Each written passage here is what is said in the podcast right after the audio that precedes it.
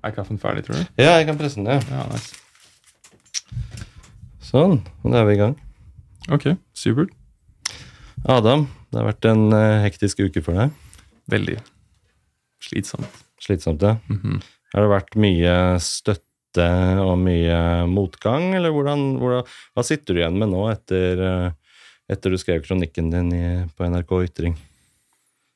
Jeg tror Etter jeg var i Dagsnytt 18, så følte jeg meg litt sånn oppgitt. Jeg vet ikke, Bare over liksom medie, medievirkeligheten vår. da, Jeg vet ikke, jeg føler ting blir så forenklet. Um, og bare Man blir liksom tillagt meninger som, som jeg ikke har, og det bare, det bare slår meg at det, det virker ikke hensiktsmessig for noe. da. Ja. Um, og jeg blir jo oppriktig bekymret. da, Det er jo litt derfor jeg har lyst til å skrive disse tingene. Fordi jeg ser jo en bekymringsverdig utvikling i Vesten, og, og jeg vet ikke helt hva vi skal gjøre med det. Um, uh, og det virker bare som, som samtalen slik den er, tar oss på en måte ofte ikke videre. da. Den blir liksom bare litt låst. Mm. Hvorfor tror du det egentlig? Hvorfor blir den låst?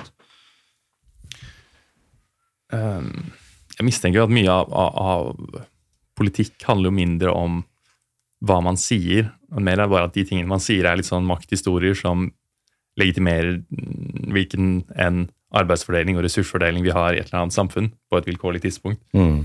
Det var litt det jeg tenkte på. Ja, det tar jeg så litt inn på kronikken vår, da, fordi noe av det jeg tenkte på, var jo mannens egenskaper som sådan, da, og hvilke mm, funksjoner det har i en, en litt sånn en, en arbeidsøkonomi, da, og på en måte hvilke deler av um, samfunnets ressurser og privilegier man kan legge krav på med de egenskapene. da. Som, som alle egenskaper. ikke sant? Hvis man kan et eller annet håndverk, så kan du bruke det til å legge krav på. Nå vil jeg ha litt overskudd fordi jeg, jeg kan lage dette. hva enn det skulle være. Mm. Eh, men, og det, det, I en historisk kontekst har det jo vært veldig nødvendig da, med, med, liksom, med fysisk styrke til å, til å drive gårdsbruk osv. Og, så og, og, og forsvar, da, som også har vært ekstremt viktig, og det har jo på en måte vært mannens domene. Mm. Um, mens at i den moderne alder, da, etter, etter den industrielle revolusjonen og um, at vi har fått uh, Nato, da, sånne forsvarsallianser som stabiliserer um, verdens um, geopolitiske maktforhold uh, og fri flyt av kapital med nyliberalistisk uh, økonomisk politikk, så har disse tradisjonelle mannsyrkene um, mistet sin verdi, da, på en måte. Vi har fått masse arbeidsinnvandring som gjør at håndverkeryrker får mye lavere status, og vi har automatisert masse prosesser som gjør at vi trenger mindre fysisk arbeid. Mm. Og da tenker jeg den er en naturlig følge at de egenskapene får mindre verdi på, Mm. på markedet, da, hvis Ja. du vil. Fordi de ikke trengs like mye. Fordi de trengs ikke like Mm. mye.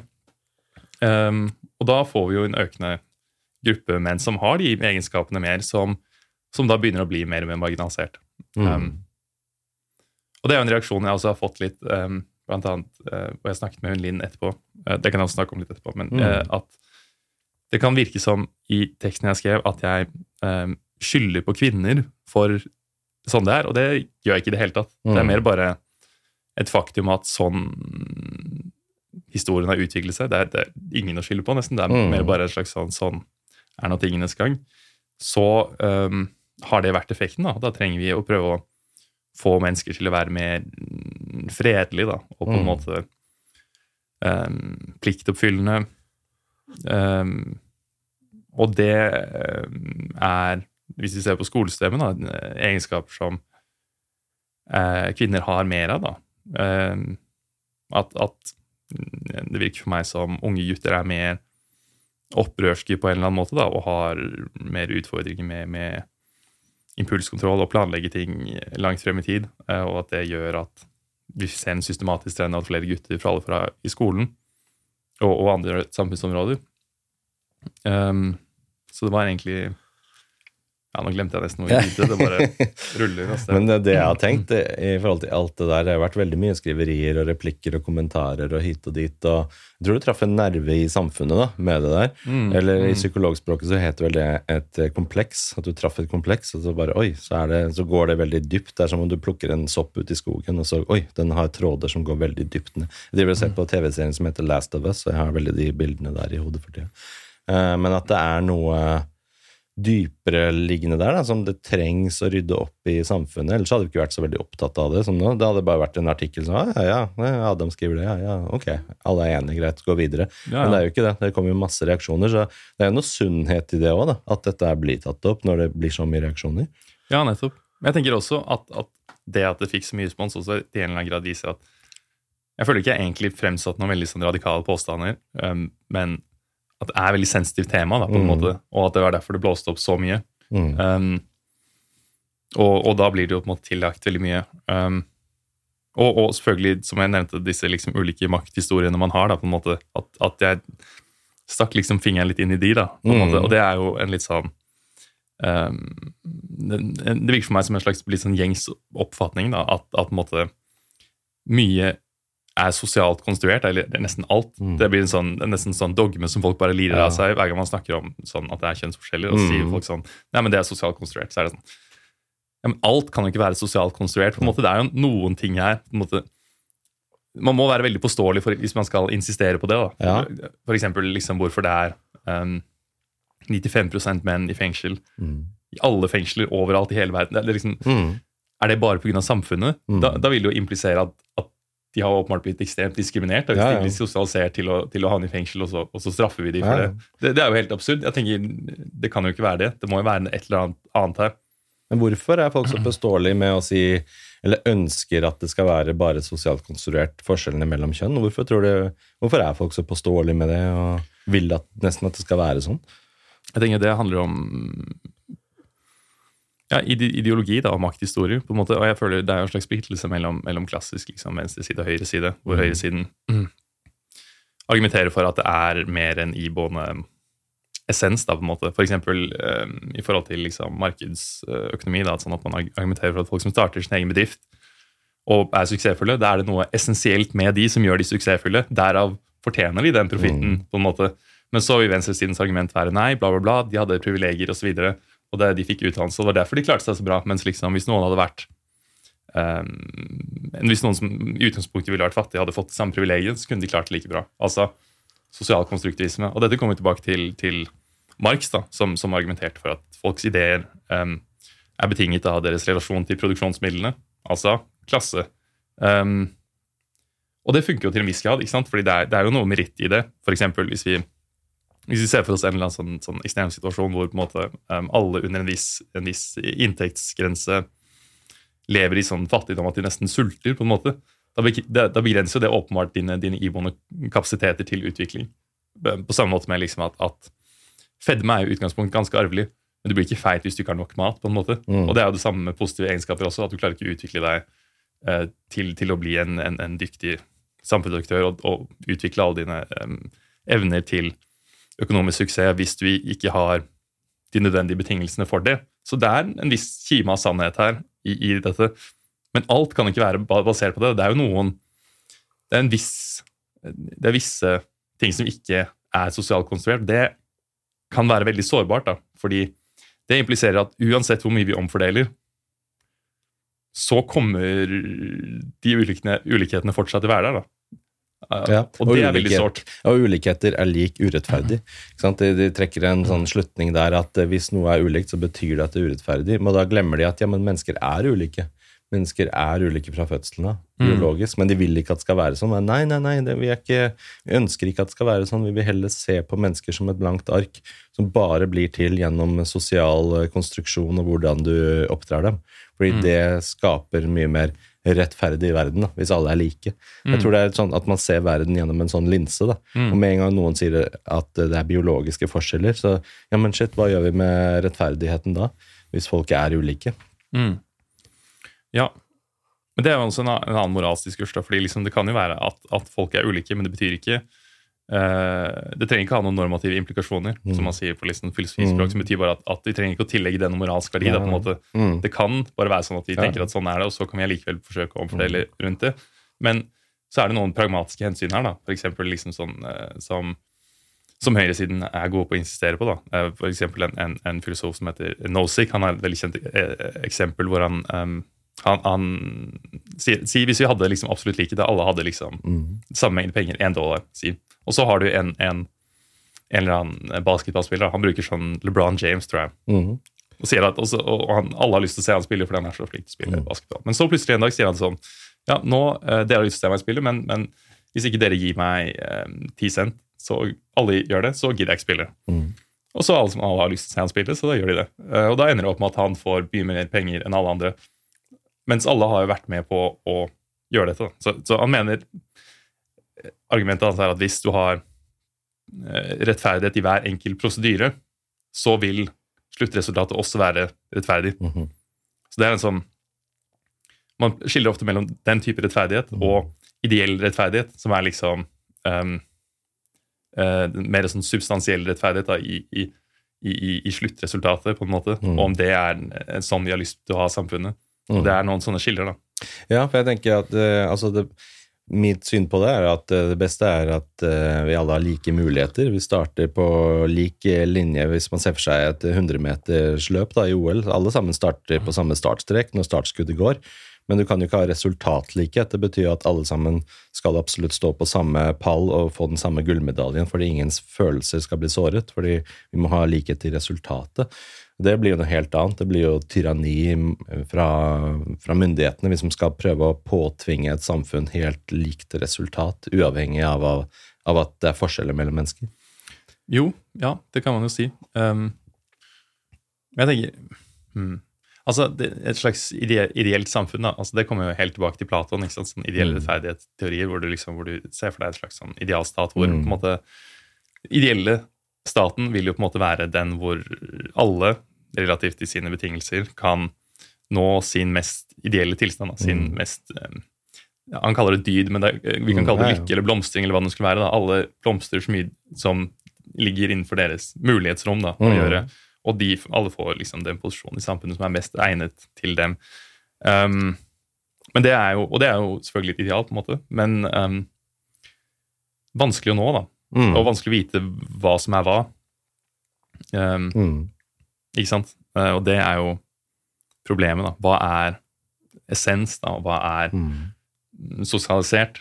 Uh, Mm. og det er spesielt sårt i, i kjønnsdebatten, da, ikke sant? for Ja. den har jo vært preget historisk av, av mye uh, fordommer da, på en måte, Mm. i forhold til kjønnsroller, og det er jo helt sant. Mm. ikke sant? Kvinner har jo blitt tillagt eh, ja, nærmest fraværende rasjonalitet, på en måte, Mm. og det er jo ekstremt provoserende. Jeg forstår det. Mm. Um, men det betyr ikke at det ikke finnes noen på en måte noen kjønnsforskjeller. ikke sant? Mm. Men, men, men, det betyr, men vi må finne ut hva, hva de er, hva de består i. Uh, og, og vi vet jo nå at det har ingenting med liksom, fornuft å gjøre. ikke sant? Damer er like smarte som gutter. Ja, ja, det, det det er vet vi. jevnt over. Mm. Men, men eh, kanskje noe i personlig struktur, motivasjonsstruktur, og, og hvilke betingelser man trives under. da. Ja, la oss gå gjennom dette. Hva er, hva er det vi vet som er forskjeller mellom menn og kvinner på sånn statistisk eh, nivå? Ja, ikke sant? Det er jo litt vanskelig, eh, fordi det vil jo alltid være liksom forskere Forskere er jo ikke objektive, Mm. de heller. da. Nei, nei. De liker jo å late som det, men, men du vil jo også ha de samme ideologiske spenningene der. Ja, De som er liksom Mm. sånn, ofte sånn ekstremt sånn kvalitative forskere som, som insisterer på at det liksom er bare sosialt konstruert. Mye Mm. sånn, sånn og, og, og de som er mer sånn naturfagsorientert, eh, som mener at det ikke er det, da. på en måte. Mm.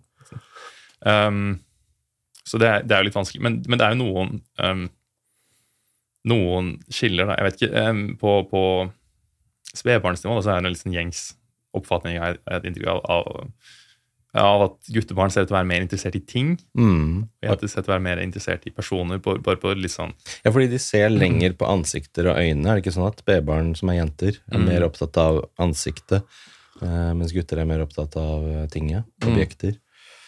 Jeg vet ikke noe nøyaktig om den, akkurat den teorien der, men, men um, de har gjort masse sånne av den type um, studier. da, Mm. Bare sånn såkalt um, Jeg husker ikke. Det er, den der den kikkebetingelsen hvor du ser på en Mm. måte hvordan under antakelsen om at det indikerer en interesse, så ser du systematiske ulikheter. Og man må jo være ekstremt sta for, for å insistere på at, at de har blitt sosialisert allerede da. Ja, ja. Og jeg tenker Um, at det er uvitenskapelig hvis man er liksom sta på den måten at man vil ha et gitt utfall i forskningen sin. Og, og når man leser forskning, at nei, det kan ikke være sånn at det er biologiske forskjeller. Det må være sånn at eh, de er like, og da begynner man å cherrypicke, og så får man sånn confirmation bias, hvor man leter etter ting som bekrefter antakelsen din, eller det du vil skal være sannheten. Ja, ja, ja. Altså, det blir jo en helt uvitenskapelig tilnærming til, til forskning. Da. Det er jo det, for så vidt. ja. Jeg, husker jeg hadde en, en diskusjon med, med en venninne, veldig dyktig for Mm. øvrig, men, men hun, hun argumenterte veldig for dette, at, det- at det er mer sånn sosialt konstruert. Og så prøvde jeg liksom å, å snakke litt om det, og jeg har jo den meninga at det er et eller annet sted midt imellom. da, det er verken eller, Men så prøvde jeg bare å si uh, ja, men er det noe, noe bevis som kunne, som kunne motbevist din teori? Mm. Falsifisere den. Ja, ja. Mm. um, Men det det går nesten ikke, da, fordi uansett hva, hva man, man foreslår, så kan man alltid bare si sånn, ja, men det er sosialt konstruert. Uansett Ja, hvilke ja, ja. forskjell du finner, så, Mm. så har du liksom en evig forklaring. Mm. Um, Det funker jo ikke. Nei. Mm. Men det betyr ikke at det, ingenting er sosialt konstruert. Nei, nei, det er jo bare et eller annet sted imellom. da. Ja, for jeg tror det er en viktig greie i, i samfunnet å se flere nyanser. Det er noe jeg prøver på på- med denne podkasten her òg. Og nettopp det motsatte til å være polarisert og svart-hvitt-tenking, så prøver jeg å få flere nyanser, mer sannhet, og prøve å se verden som en gråsone, og så se hva er det som ligger imellom her. Kan man se dette på flere måter? Kan man ha to tanker i hodet samtidig? Kan flere ting være sant samtidig? Og det er nettopp det, jeg tenker det er både biologisk og sosialt konstruert. Det er liksom ikke enten-eller. For det er jo mange forskjeller på menn og kvinner, enten vi liker det eller ikke. Jeg driver og leser en bok nå av han David M. Buss, som er evolusjonspsykolog, som snakker om nettopp eh, det boken heter Evolution of Desire. Jeg kan legge link her på YouTube og Spotify. Hvor han snakker om nettopp forskjellene mellom menn og kvinner. Da. Hva vi ser etter hos den andre parten, hva er det vi er tiltrukket av. Ja? Eh, biologisk. Eh, ting jeg bare kan nevne sånn eh, på stående fot, eller sittende fot, er eh, f.eks. konkrete ting, da, som at menn ser etter et forhold mellom hofter og midje. Eh, som markerer eh, fruktbarhet hos kvinnen. Det er noe vi er opptatt av, som de har gjort forskning på, da, at vi li menn liker best universelt. Da, på, på tvers av kulturer så liker vi et visst eh, ratio, et forhold mellom eh, midjen og hoften, eh, som menn liker, og det viser seg at de som har det forholdet, er også mest fruktbare. Da. Sånn at det er logiske ting i hvorfor vi er tiltrukket av enkelte ting hos det andre kjønnet. Så Det er bare sånn én ting jeg kom på som jeg, som jeg husker fra den boken. Ja, det er mange rare ting med det. Det var jo også noe av- av det jeg prøvde å trekke inn i, i forhold til um, likestilling. Da, at at um, status har en Mm. veldig stor betydning for menns suksess på datingmarkedet. Mm. Um, fordi kvinner har en Du ser at, at du, har, du har en slags sånn intraseksuell konkurranse mellom menn om Mm. status. Mm. Og kvinner har en tendens til å velge de mennene som har status, og de velger oppover i status. Mm. Altså, du finner nesten ingen tilfeller av en dame som har mastergrad, som blir sammen med bussjåfør. Med mindre det er en jævlig spesiell bussjåfør på et eller annet annet område. Men, ja, men, men, Bussjåfør med masse krypto, ikke sant? et eller annet sånt, da, men, men, men, liksom, men ellers så, så skjer jo ikke det, da. Ja. Um, og så har man, eh, for kvinner, eh, er det det motsatte. Eller det, det, det, det er um, alder, Ja, har ja. mest å si. Mm. Ja, ja. Systematisk kvinn, Ja. Yngre damer er ofte mer attraktive. Fordi mer fruktbarhet, ikke sant? Men det er sånn ubehagelige sannheter, på en måte. Ingen som liker å høre det. Men, men enkelte ting er ikke Det er ikke usant bare fordi man ikke liker å høre det. Ikke sant? Mm. Sannheter er iblant ubehagelige. Og det, det tror jeg er viktig å ta inn over seg, at eh, man må akseptere sannheter uansett liksom, hvordan du føler at det påvirker deg å høre dem. Um, andre ting er jo sånn, ja, nettopp det hva man tiltrekkes av. Eh, fordi det leste jeg også i den boka, at status er jo markører for måte, kompetanse og ressurser. At eh, hvis, du skal, hvis du som dame skal få barn med en mann, så er det veldig greit at mannen har ressurser og, og kompetanse til å ta seg av barnet, beskytte barnet, beskytte familien. Um, har et nettverk, har eh, penger og midler til å forsørge. Alle disse tingene ligger um, inni begrepet status. At status blir bare en markør for det. Ja, ja, og det funker veldig bra. Mm. Og det er så rart, sånn, du, du kan nesten merke det på litt sånn personlig nivå, eller jeg vet ikke, sånn, med sånn guttevenner, da, Mm. så er det ofte en litt mer sånn røff stemning. Mm. Og jeg har snakket også med en god kamerat av, av meg om, om det mye, fordi han, han er ferdig psykolog, og vi prøvde liksom å komme litt til bunns i dette i forhold til litt sånn, sånn snakk om følelser og maskulinitet, og vi, og vi snakket om at um, det er på en måte på et eller annet nivå at vi har en litt sånn latent dominanskamp hele tiden. Mm. Og så når man er liksom gode venner, så er det noen som man som regel er ganske jevne med. på en måte. Man er liksom, det er en balanse. Mm. Men at hvis man er for sårbar, da, så tipper den balansen da, på en eller annen måte. Mm. Men altså I større guttegjenger så kan man merke at det er liksom en litt sånn Man har en litt sånn implisitt følelse av hvor man liksom rangerer, på en Ja, måte. ja, ja. Det er veldig, men det er en liksom nærmest en ryggmargsfølelse. og det er sånn, sånn, Ja. sånn er det bare. Som, som styrer liksom hvor, hvor mye liksom plass du kan ta, og, og sånn type ting. Og Ja. det som er mest påfallende, da, er at den liksom følelsen av hvordan man rangerer, ser ut til å overlappe perfekt med hvem som er mest attraktive for kvinner. I min erfaring, da. Mm. Og liksom de som ja, ja. Og det er bare helt sånn slående. Mm. Um, Men, menn krangler om å være på topp i statushierarkiet, og kvinner velger fra toppen av det statushierarkiet som menn har bygget opp selv. Tilsynelatende, ja. Og det, det føles forferdelig primitivt Mm. ut. Men vi er jo, vi er jo dyr Jo, jo, jo, biologisk. Bare, men det, bare er, det, er, det er noe sånn slående, da. Hvor, Mm. hvor Ja, liksom, men det er. Ja, ja, ja. Vi, ja, men jeg tror det er, vi, lik, vi er blitt så rasjonelle at vi liker ikke å tenke på at vi er dyr dypest sett. Sånn at vi, vi tar avstand fra det at nei, nei, nei, vi er så avanserte, vi er så rasjonelle, vi er så intelligente, vi er noe helt annet enn dyr. Ja, men vent litt. Hjernen din er jo bygget opp av tre forskjellige lag, og de to første er jo instinkter og emosjoner. Bare på toppen har du den rasjonelle eh, prefrontale cortexen, og sånn til slutt liksom ble bygget til slutt. Mm. Det betyr jo ikke at de to eh, første etasjene oppi topplokket ditt ikke eksisterer. Det er jo der i fullt og helt, og det er jo sånn evolusjonen funker. Den tar jo ikke går tilbake og fjerner ting og endrer ting. Den bygger jo på toppen av det som allerede fungerer. Mm. Sånn at vi er jo Jeg tenker på mennesker som først og fremst er irrasjonelt og følsomt, følelsesstyrt, og deretter så har vi den toppetasjen som, eh, som gjør oss eh, rasjonelle. Men den går, Har du hørt om en fyr som heter Mark Soames? Nei, hva sier han for noe? Han, han driver med neuropsykoanalyse. Mhm. Han har i hvert fall lansert en sånn bevissthetsteori. Mm -hmm. Han argumenterer for at følelser er, er en sånn essensiell del av bevissthet. Da, på Ja, ja. måte, I motsetning til, til uh, andre teorier da, som, Mhm. som foreslår at det liksom, det, intellektet er det primære da, Mhm. i bevissthetsformasjon. Mhm. Altså på en måte motivasjonsønsker. da, på en måte At Ja, du har en eller annen ønske om å komme fra tilstand A til tilstand B. Ja. eh, og, og Ja, et eller annet sånt da. Og Ja. så simulerer man på en måte hvordan kan jeg komme meg dit, og det er på en måte Ja. beviset. da. Jeg kan ikke det så bra, men jeg har en, en kompis som er veldig rutta på det. Mm. Men det er også en annen, annen overlapp til, til ting du snakker om nå, mm. med, med psykoanalyse. Ja. Den, den går veldig igjen der. Altså mm. Det er naturkultur, ubehag i kulturen, på en Ja. måte. Som er at vi i, i vår siviliserte verden på en måte har, har prøvd å sosialisere oss vekk fra Mm. våre mer basale drifter. Mm. Um, men som skaper psykologiske spenninger, da, på en måte, fordi vi har de fortsatt, og så har vi fortrengt de, og vi later som vi ikke har de. Ja. Men de er der jo fortsatt. ja, ja. Um, og det skaper litt smerte. Og jeg tror kanskje det er noe av det som gjorde at den fikk så mye respons, fordi jeg påpekte det. da. Ja.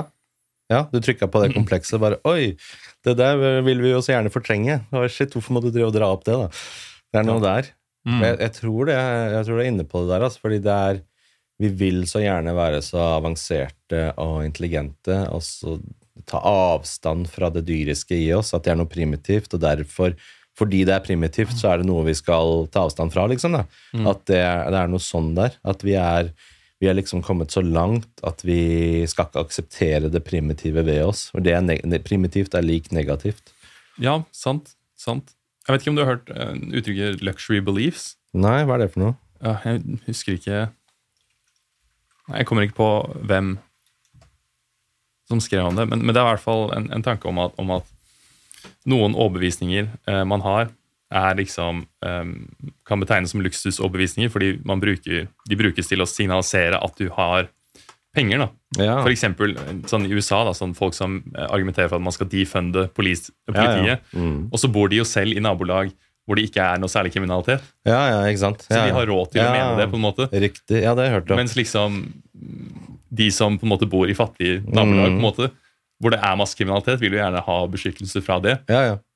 Um, ja, ja. Og den type ting. da. Mm. Eller også i, i, i Norge på liksom klassisk sånn venstreside mm. Uh, er jo liksom sånn med sånn innvandringsspørsmål. ikke sant? Mm. Folk som liksom skal være så jævlig innvandringsliberale, Mm. og så liksom bor de jo ikke selv Nei, nei. på stedene hvor det kommer masse innvandring. nei. Ikke sant? Øh, Det er en slags dissonans der, da. Ja, ja. Det blir bare teorien. Det blir sånn abstrakt greie du har i hodet. Ja, også de liksom arbeid, arbeiderklassefolkene som, som, Mm. som blir utsatt for sosial dumping pga. at det kommer masse innvandring. Ikke sant? De ser man liksom ned på, for de er så, de er så fordomsfulle og liksom ikke tolerante nok. Så er det sånn ja, ja. Hva er det du snakker om? Men jeg, jeg tror det har med, å gjøre med at folk trenger problemer og utfordringer. Og hvis du lever et så luksusliv da, at du ikke egentlig har noe særlig problemer, så må du begynne å skape dem selv, enten bevisst eller ubevisst. Og da dukker de opp fordi du trenger et eller annet å hanskes med, du trenger et eller annet å, å deale med og, og, og forholde deg til da, som er vanskelig. Og da bare ok, uh, hva kan jeg deale med i samfunnet som sikkert er noe problem? Og så, så kommer det opp sånn enten at man skaper dem eller finner dem, eller Jeg tror mye av dette her handler om eh, en sånn overflodssamfunn. da. La oss si du bor i et samfunn hvor du så vidt har nok mat. Eh, det primære i livet ditt er å skaffe nok mat til veie til i morgen til å overleve dagen etter. Da er du ikke så veldig opptatt av å drive og snakke om eh, om det er sånn at det er forskjeller mellom menn og kvinner, egentlig. Det, sånn, det blir sånn luksustankegang, da, sånn som vi prater om nå. At Ja, ja. Det, det er bare sånn Ja, selvfølgelig er kvinner og menn forskjellige. Hvor, hvor kan jeg finne mat hen? Men det er kanskje noe, en sånn ny bølge av luksus. da, fordi på en måte, eh, sånn er det sånn, For eksempel sånn å kjøpe bruktklær. Eller, eller eh, her om dagen så var jeg på eh, en bar med en, en venn, Og det var sånn, der, sånn litt sånn slitt sånn, der, sånn interiøraktige greier, hvor det var liksom litt sånn så litt murpuss på veggene osv. Så, videre. og så bare tenkte jeg sånn Det her symboliserer jo status i våre dager, Ja, på en måte. Ja. Mens hvis du, hvis du for eksempel eh, hadde vært i et, et, et fattig land, og så ville man tenkt sånn Herregud, hva er det her for noe? Ja. Har de ikke, Har de ikke råd til, ikke råd til å pusse opp veggen? Mens nå er det liksom vi har kommet til det at vi har så, hatt så mye velstand i Norge at, at nå er det nesten et statussymbol å symbolisere at du kan liksom la være å gjøre det. på en måte. Jeg vet. Hvorfor går dere i hullete bukser i Vesten? Liksom Kjøper bukser som er ferdig hulla opp? Ja, ja. Og det er enda en sånn Mm. Jeg synes det er en fascinerende utvikling. Da, Mm. Det er liksom det motsatte er det som blir eksklusivt. Kultur og motkultur. Ja, og det er jo en evig trend. Sånn er det med sånn, Mm. sånn, sånn, det sånn luksusmerker osv. Når, Ja. når, når liksom en visst merke Jeg leste en artikkel om sånn, sånn, der, sånn luksusvesker, hvor det var noe sånn, der, sånn Michael Kors et eller annet, som Mm. liksom først liksom var en sånn vestkantgreie, men så liksom spredde det seg ut. Og så plutselig hadde Østkantkids også disse Ja, ja. Med, med, med, eh, veskene. Ja, Og da måtte de finne en annen, Ja, Fordi da symboliserer de ikke det samme som de gjorde. ja. Jeg så var det Louis Vuitton som har begynt å lage søppelposer til sånn 5000 kroner, 10 000 kroner, fordi det må stå Louis Vuitton-logo på dem. Så det er ment for å kaste søppel i det. Så det, det var sånn Hva er det vi driver med i samfunnet? Jeg tror det er, tror det er noe i det gamle uttrykket eh, 'lediggang er roten til alt ondt'. At det er noe sånt nå, at vi har for lite problemer, egentlig. Sånn at det blir sånn her Ok, la oss skape problemene våre. Mm. Um, men jo, hva er det jeg ville med dette her? Jo, vi må, vi, må, vi må komme ned til essensen av dette. Vi må drille dypt i dette her. Menn og kvinner. Er ikke menn og kvinner den primære kategorien i livet vårt, i psykologisk sett? Nesten, like, nesten mer fundamentalt enn dag og natt, eh, hvitt og svart, lys og mørke, opp og ned, venstre og høyre. Mm. Menn og kvinner. Ja, altså, det har jo blitt eh, mye mytologisert, Mm. um, så jeg er kjent med det. Um, og det gir vel kanskje for så vidt mening at det, det er en sånn urmytologisk kategori. Mm. Siden, jeg vet ikke, Det er vel kanskje noe veldig nært for oss at vi erfarer at det er en slags syntese som Mm. ser ut til å skape liv. da. Mm. Det er jo ganske stort for oss. Ja. I hvert fall i et litt sånn tidlig stadie av Mm. menneskeheten. Mm. Så det gir kanskje mening at det, at det er Hvis du først bare skal begynne å kategorisere verden, da, så jeg vet ikke, er det jo noe iboende liksom Nei, jeg vet ikke. Nå blir det veldig spekulativt her. Ja, det er det vi driver med. Um, men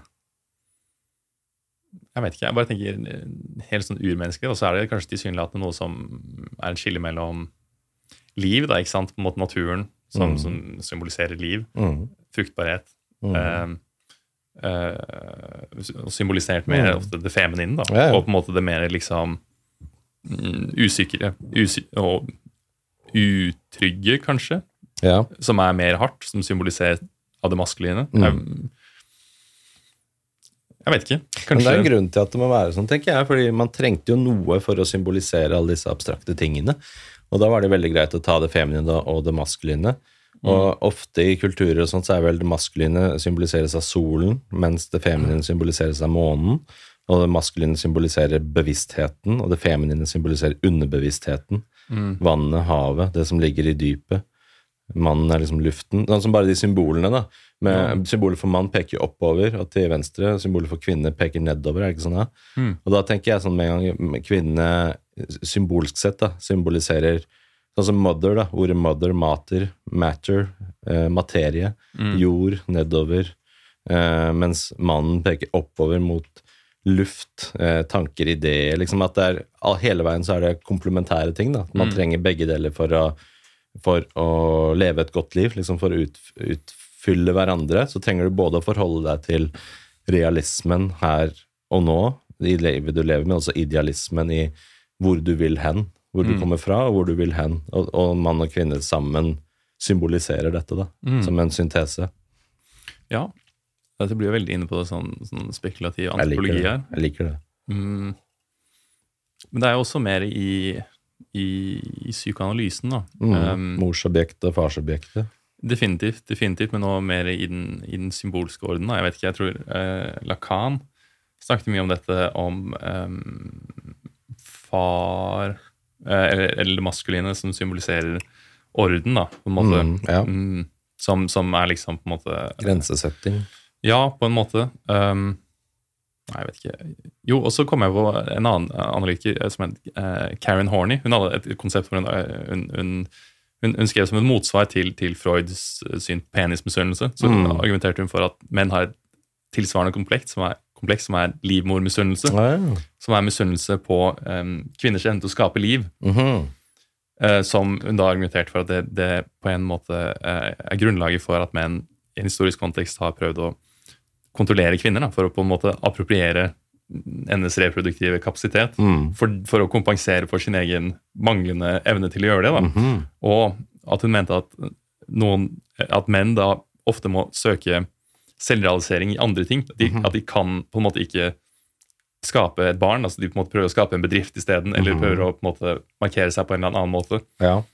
Um, men jeg synes det var interessant. Og hun tok jo også en sånn tradisjonell vridning på ja, Det blir en lang samtale hvis jeg skal Ja, snakke om eh, penismisunnelse. Ja.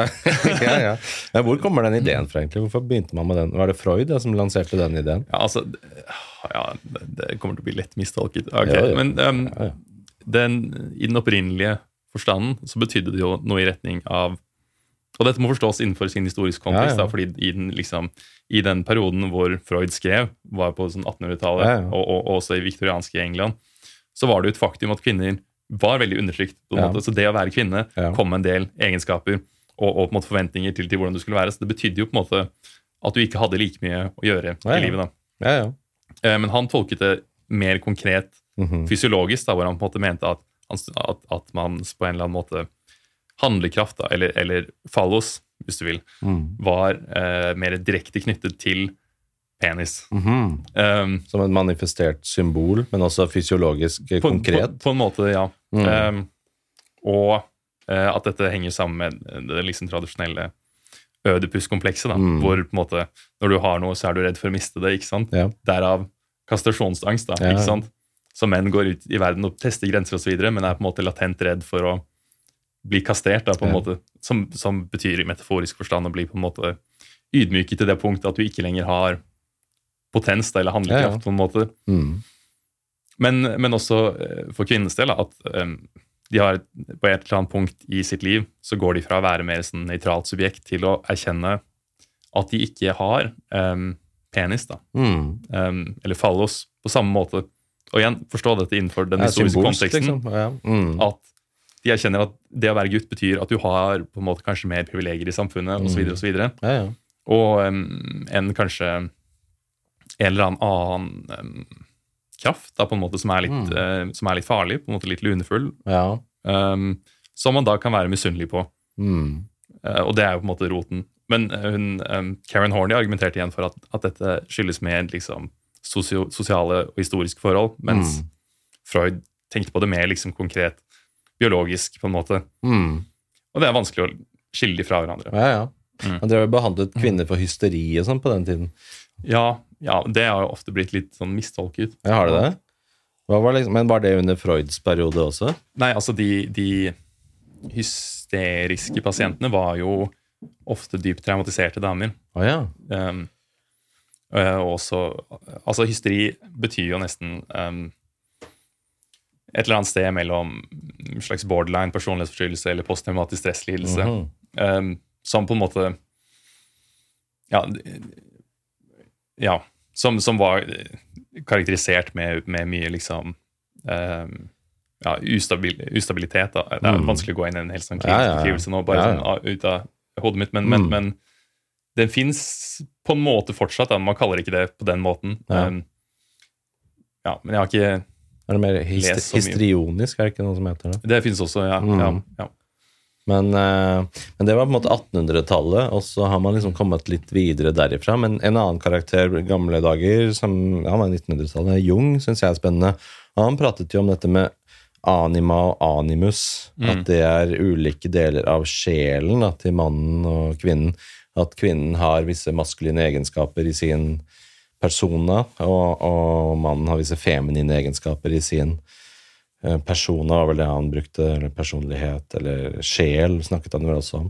Eh, at man trenger å erkjenne de, da. Men ikke at uh, Han prater vel også om at mannen måtte ikke Altså de feminine egenskapene hos han måtte, måtte ikke overta de maskuline egenskapene. Måtte ikke bli uh, feil balanse i dem, på en eller annen måte.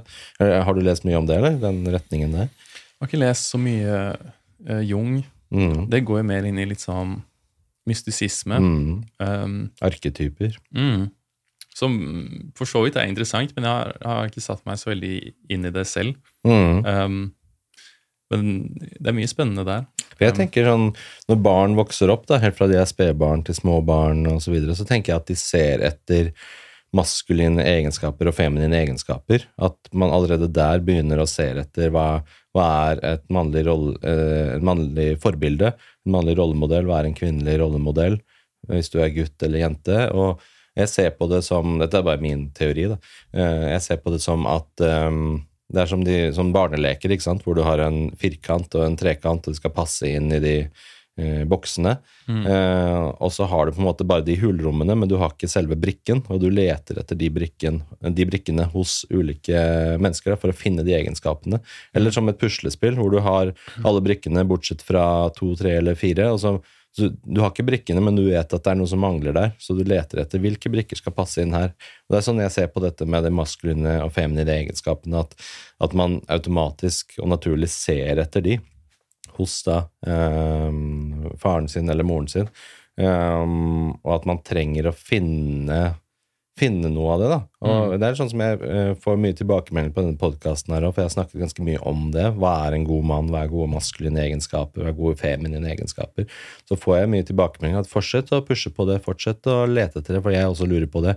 At det er sånn som går igjen i samfunnet vårt. da. Jeg tror vi har, vi har mistet den um, mannlige rollemodellen, eller egenskapene. Hva er de maskuline egenskapene? Hva er det vi skal sikte etter å ha? da? Fordi jeg tenker at det var veldig tydelig før i tiden. sånn 30-, 40-, 50-tallet så var det veldig sånn tydelige kjønnsroller. Ikke at det var bra eller dårlig, men det var i hvert fall tydelig. Nå er det veldig sånn eh, utvasket. eh, Veldig vanskelig å få eh, sette fingeren på. Men, men det betyr ikke at vi ikke trenger dem, tenker jeg. Mm. Og jeg tenker på det som at en mann kan være på en måte en mannlig rollemodell, men det betyr ikke at det er det eneste du er. Jeg, ser på det som at hvis du er en legestudent, det er en turnus, eh, og så har du en lege som du følger som er veilederen din, så ser du opp til den personen for de egenskapene han har, eller hun har som lege. Um, det betyr ikke at den personen ikke er andre ting, men det er hvert fall det, det du ser etter der. Det er det jeg tenker også som barn eller som unge voksne, så ser vi opp til hvilke egenskaper har han eller hun som maskuline eller feminine gode egenskaper. Uh, ja, det ble en lang monolog med det, men hva tenker du om det? Nei, jeg tenker jo definitivt at man trenger idealer. mm. Og jeg tenker det, det er en interessant interessant du formulerer det på den måten, fordi jeg tror det er mange um, kulturhistoriske faktorer man kan trekke inn her. da. Um, Mm. Fordi um, idealisme har jo tradisjonelt vært veldig nært forbundet til det guddommelige, da, Mm. på en måte.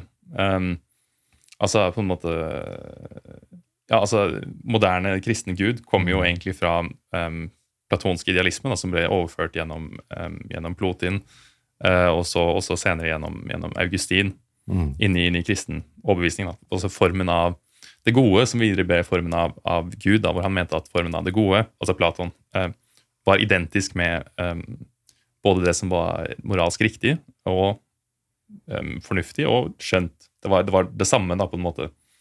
Og det var idealet, og det var, um, ble senere tolket som Gud, da. Um, som, som, ble forstått som en moralsk rettesnor, da, på en måte. Ideal, noe for mennesker å strekke seg mot, på en måte. Og som ble garanterist for moral, da, på en måte. Ikke sant? Og jeg lurer på om den, den, den kulturhistoriske effekten vi har hatt um, i senere tid, da, med, med liksom, eh, sekularisering av samfunnet, at vi har kommet i en litt sånn relativistisk fase, da, på en mm. måte, hvor, hvor, vi skal finne oss selv på en eller annen måte. Vi skal, vi skal selvaktualisere, men, men, bare fra, fra, egen maskin. Da. Vi har på en måte mm. ikke noe å rette oss mot lenger, fordi vi har liksom blitt fortalt at det er frihet, da, eller det er på en måte det vi skal søke etter. Og det gir veldig mening, fordi mye av menneskets historie har vært definert ut fra at mennesker har vært undertrykt. Da, så mye av den moderne liberalismen som ligger til grunn for vår sosiale kontrakt og demokrati osv., har jo vært eh, rettet mot å skape mest mulig frihet for flest mulig. Og det har vært disse, disse allmulige rettighetsbevegelser osv. som har dekonstruert mye av de tradisjonelle samfunnsnormene for å skape frihet. Da. Um, men muligens på noe bekostning òg, da. Mm.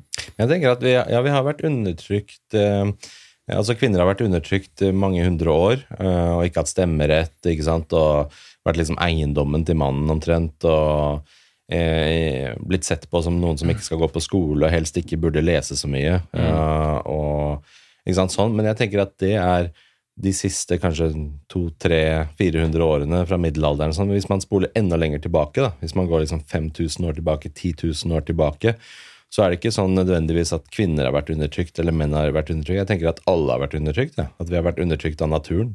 Ja, vi har bare prøvd å overleve. Um, jeg tenker at uh, Hvis du hadde en steinalderfamilie liksom, som bodde i hula si, så ikke, jeg tror ikke mannen var så veldig opptatt av å bruke energi på å undertrykke kvinnen. Jeg tror det var mest opptatt av bare hvordan skal vi overleve. Noen må passe på barna, noen må ut og jakte. Skaffe kjøtt til i morgen, må bygge, fyre opp ved, eh, skaffe ild, varme, klær. Jeg tror ikke vi var så opptatt av å undertrykke, fordi naturen undertrykket oss nok som det var. Eh, mm. Så vi var opptatt av å overleve. Så jeg tenker at det med undertrykking av kvinner sannsynligvis er et mer moderne fenomen i de siste 200-400-500 årene. Eh, hvis man ser på det store perspektivet, da. ikke sant? Ja, altså jeg tenker Det skyldes jo disse maktpolitiske utviklingene som vi snakket om tidligere. da, på en måte, mm. fordi altså Grunnen til at vi må ha en, en maktfordeling, mm. er jo fordi mennesker har en tendens til å prøve å berike seg selv hvis de har sjansen til det. da. Mm. Nesten alle, mm. på en måte. Um, og det er et problem uh, som, som, på en måte tilsynelatende ligger i oss alle. Um, menn og kvinner. Um, og når folk er i en posisjon hvor de uh, har muligheten til, til, å skaffe seg privilegier, så gjør de ofte det, på en mm. måte.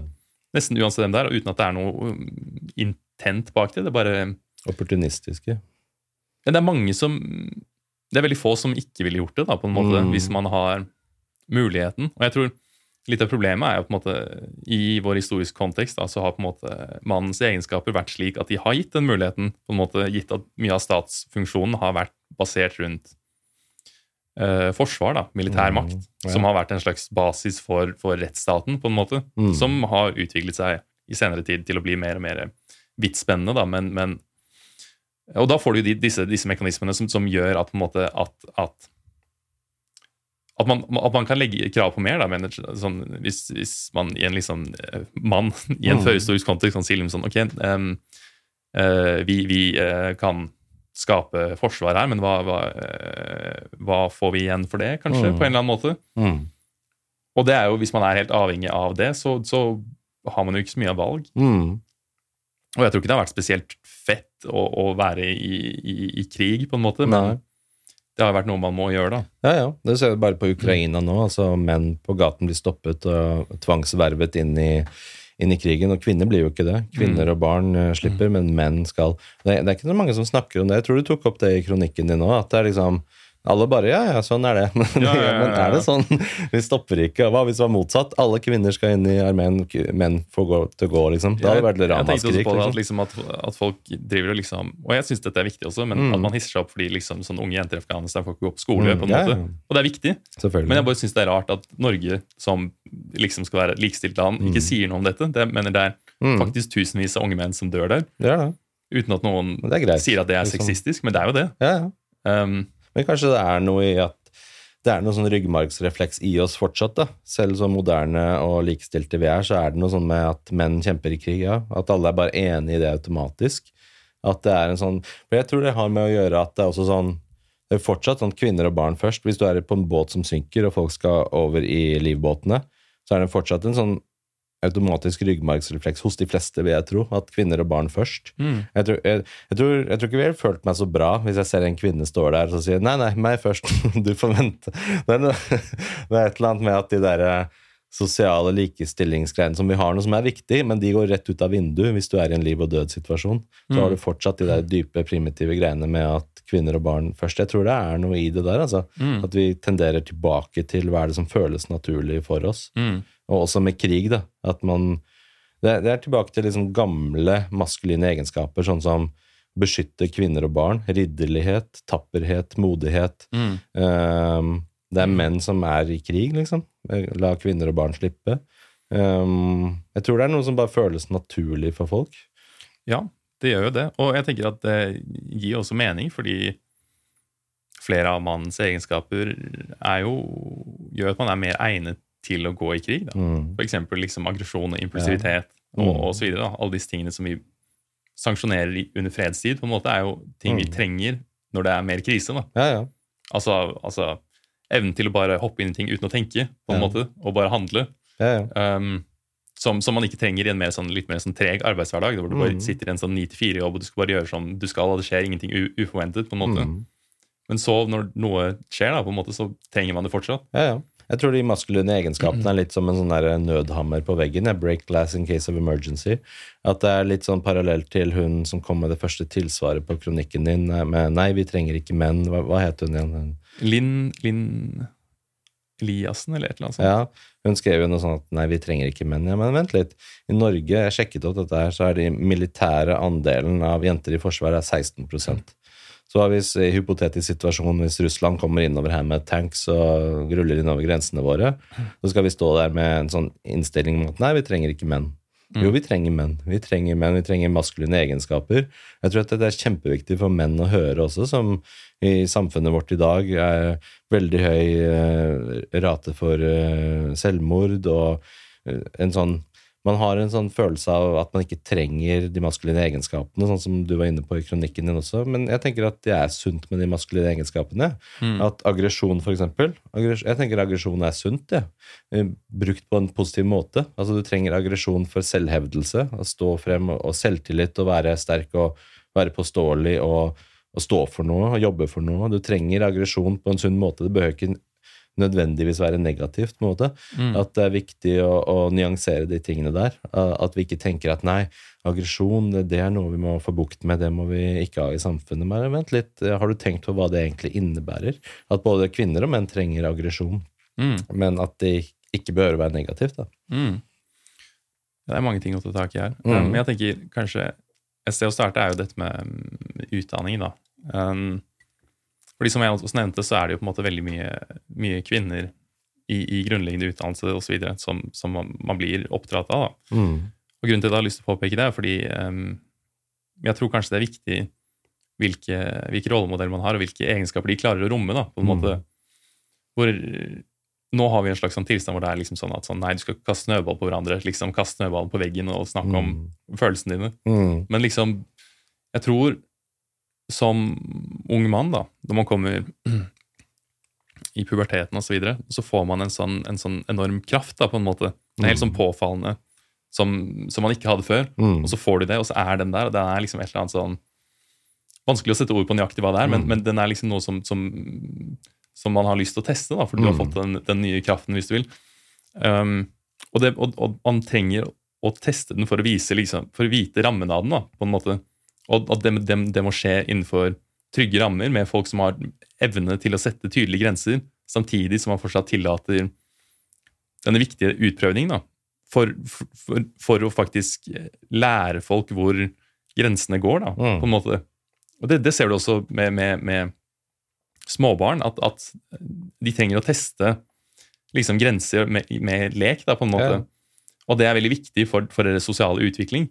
Um, og jeg tenker det er noe bekymringsverdig um, når vi får en slags sånn generasjon med unge gutter som ikke får rom til det. da. Mm. Og jeg tenker kanskje man kan se på det sånn Andrew Tate er et ganske godt eksempel. Fordi han er jo helt grenseløs. Mm. Det er jo akkurat det han er. Mm. Du, du, har, du får en generasjon med grenseløse gutter da, som, aldri, som, som har lært at disse egenskapene er tabu, og de har liksom prøvd å bli undertrykt. Så de har bare ikke lært seg å forholde seg til de på en moden måte. Og det tenker jeg er litt bekymringsverdig. Mm. Jeg tenker sånn at i fravær av sunne maskuline egenskaper å se opp til, så, kommer, så skapes det et vakuum, og da kommer det inn negative maskuline egenskaper. Det er i hvert fall noe, på en måte. Det er bedre enn ingenting, tenker mange gutter, tror jeg. Litt sånn Ja, ja. implisitt eller underbevisst. da. At oi, her er det noe hypermaskulint, dette er sikkert bra. Mm. Dette faller jeg for, fordi det er ikke noe annet tydelig der. Eh, og litt sånn i et overfeminisert samfunn, hvis du skal sette det på spissen, så blir det, det feminine og det kvinnelige blir veldig dyrket, at dette er gode egenskaper. Og liksom, det er det jo også, det er gode egenskaper, men vi trenger også for guttene eh, som vokser opp, noe tydelig maskulint som Mm. blir sett på som bra. da. At ikke alt bare blir sett på som negativt som har med maskulinitet å gjøre. Mm. Fordi da får du et sånt samfunn, så dukker det opp Andrew Tate, ikke sant? Og så dukker det opp negative maskuline utgaver. Og så, og så faller gutter for det, og så da, da blir det bare enda verre, liksom. Da blir det enda mer polarisert, og jeg tenker at derfor må vi ha en, en sånn tydelighet på hva er sunne maskuline egenskaper, og hva er en god mann. Mm. Kanskje vi skal ta for oss det, bare gå rett på sak. Bare, hva tenker du hva er en god mann i Norge anno 2023? Det er interessant. Um, jeg tror også, jeg vil også si at jeg tror jo det er viktig å påpeke at dette er jo også i kvinners interesse, Mm. og at de det. kan oppdra gode menn. Ja. Fordi vi kommer jo fortsatt til å ha menn uansett. Mm. Men hvis vi ikke forholder oss til disse egenskapene, så, så blir det en veldig umoden maskulinitet da, hvis det bare undertrykkes i kulturen vår. Ja, for det, jeg tror undertrykkelse er viktig, for det betyr ikke at de blir borte. Nei, nei. Ikke sant? De er der fortsatt. Ja, Det er som å prøve å undertrykke sinnet til et barn. Hvis du sier at nei, du får ikke lov å være sint, så blir, blir, ikke sinnet borte. Det bare kommer ut på andre måter. ja, ja. Sinne er viktig, bare sånn digresjon der, men sånn, det er paralleller til det. da, At maskuliniteten din blir ikke borte, den bare kommer ut i andre uttrykk. Men det er viktig å kanalisere det til noe positivt, tenker jeg. Hva er positiv maskulinitet? Så jeg prøvde å tenke på det her i stad. Hva er en god mann? Fordi det er så vanskelig eh, spørsmål å svare på. Fordi det, det blir så lett det safe svaret blir nei, det er ikke noe som heter god mann eller god kvinne. Det eneste som er viktig, er å være et godt menneske. Sånn, ja, ja, men det er sånn safe svar, så jeg gidder ikke. Det er liksom, jeg vil prøve å, å ta for meg det som er vanskelig, bare møte det direkte. Og jeg tenker god mann, jeg prøvde å definere det for meg selv, da. Eh, er en god mann er en som lever ut sunne maskuline egenskaper Mm. prøvde å redusere det ned til det. Fordi da lever ut, da mener jeg med at du faktisk agerer dem ut, du manifesterer dem. Det er ikke bare noe teori du har i hodet, ditt, det er faktisk noe du lever. Og så velger jeg å avgrense det til sunne maskuline egenskaper i stedet for negative maskuline egenskaper, som kan være veldig voldelighet eller veldig mye aggresjon. for mye av det er ikke bra, men, eh, men en sunn utgave av det, så trenger man også aggresjon. Man trenger eh, selvhevdelse, men at man lever ut de sunne egenskapene som ofte regnes som maskuline. Da. Um, så jeg prøvde, liksom, prøvde meg på en definisjon der, men så må man også avgrense seg til at ja, men eh, se opp til eh, Eller tenke på hva en god mann er. Det betyr ikke at det er det eneste du er. Du er også en god si, forelder, en god kollega, en god nabo, en god arbeidstaker, en god lege, en god psykolog. Du er mange forskjellige roller, Mm. en god mann er bare én av dem. Men jeg tenker at barn som vokser opp eh, La oss si en gutt, da, så har du en far. Så vil du automatisk lete etter hvordan skal jeg være som mann når jeg vokser opp, når jeg ser på faren min. Så vil det, vil jo være det nærmeste objektet, liksom farsobjektet, i å finne uh, hva er det jeg skal emulere, hva er det jeg skal ta til meg av gode maskuline egenskaper for å være en, en god mann. Uh, når jeg blir stor, vil jo vil du vel ha en automatikk, tenker jeg, da, til, til å se på den, det nærmeste du har noe maskulint. Mm. Ja, det er noe med den kulturelle overføringen, da. Mm, Altså mellom generasjoner. ja. Som jeg lurer på om vi kanskje har mistet litt i de senere år, da. Um, altså Det er jo en klassisk liksom, skille mellom, mellom, mellom mer liberalistisk filosofi og, og, og konservativ. ikke sant? Mm, Den konservative filosofi fokuserer mer på denne erfaringsoverføringen da, på en Mm. måte mellom roller og den akkumulerte erfaringen. og Det er kanskje noe i det, Eh, altså, altså, mens med en liksom liberalistisk tanke om at måte, hvis alle er født liksom, på en måte frie til å definere seg selv, Mm. og så, et cetera, så, så er det ikke så viktig, på en måte. Men Mm. at det kanskje er noe med det. Fordi jeg tenker funksjonen av kultur er jo å romme de psykologiske spenningene vi har, da, Mm. som følge av sivilisasjon. Mm.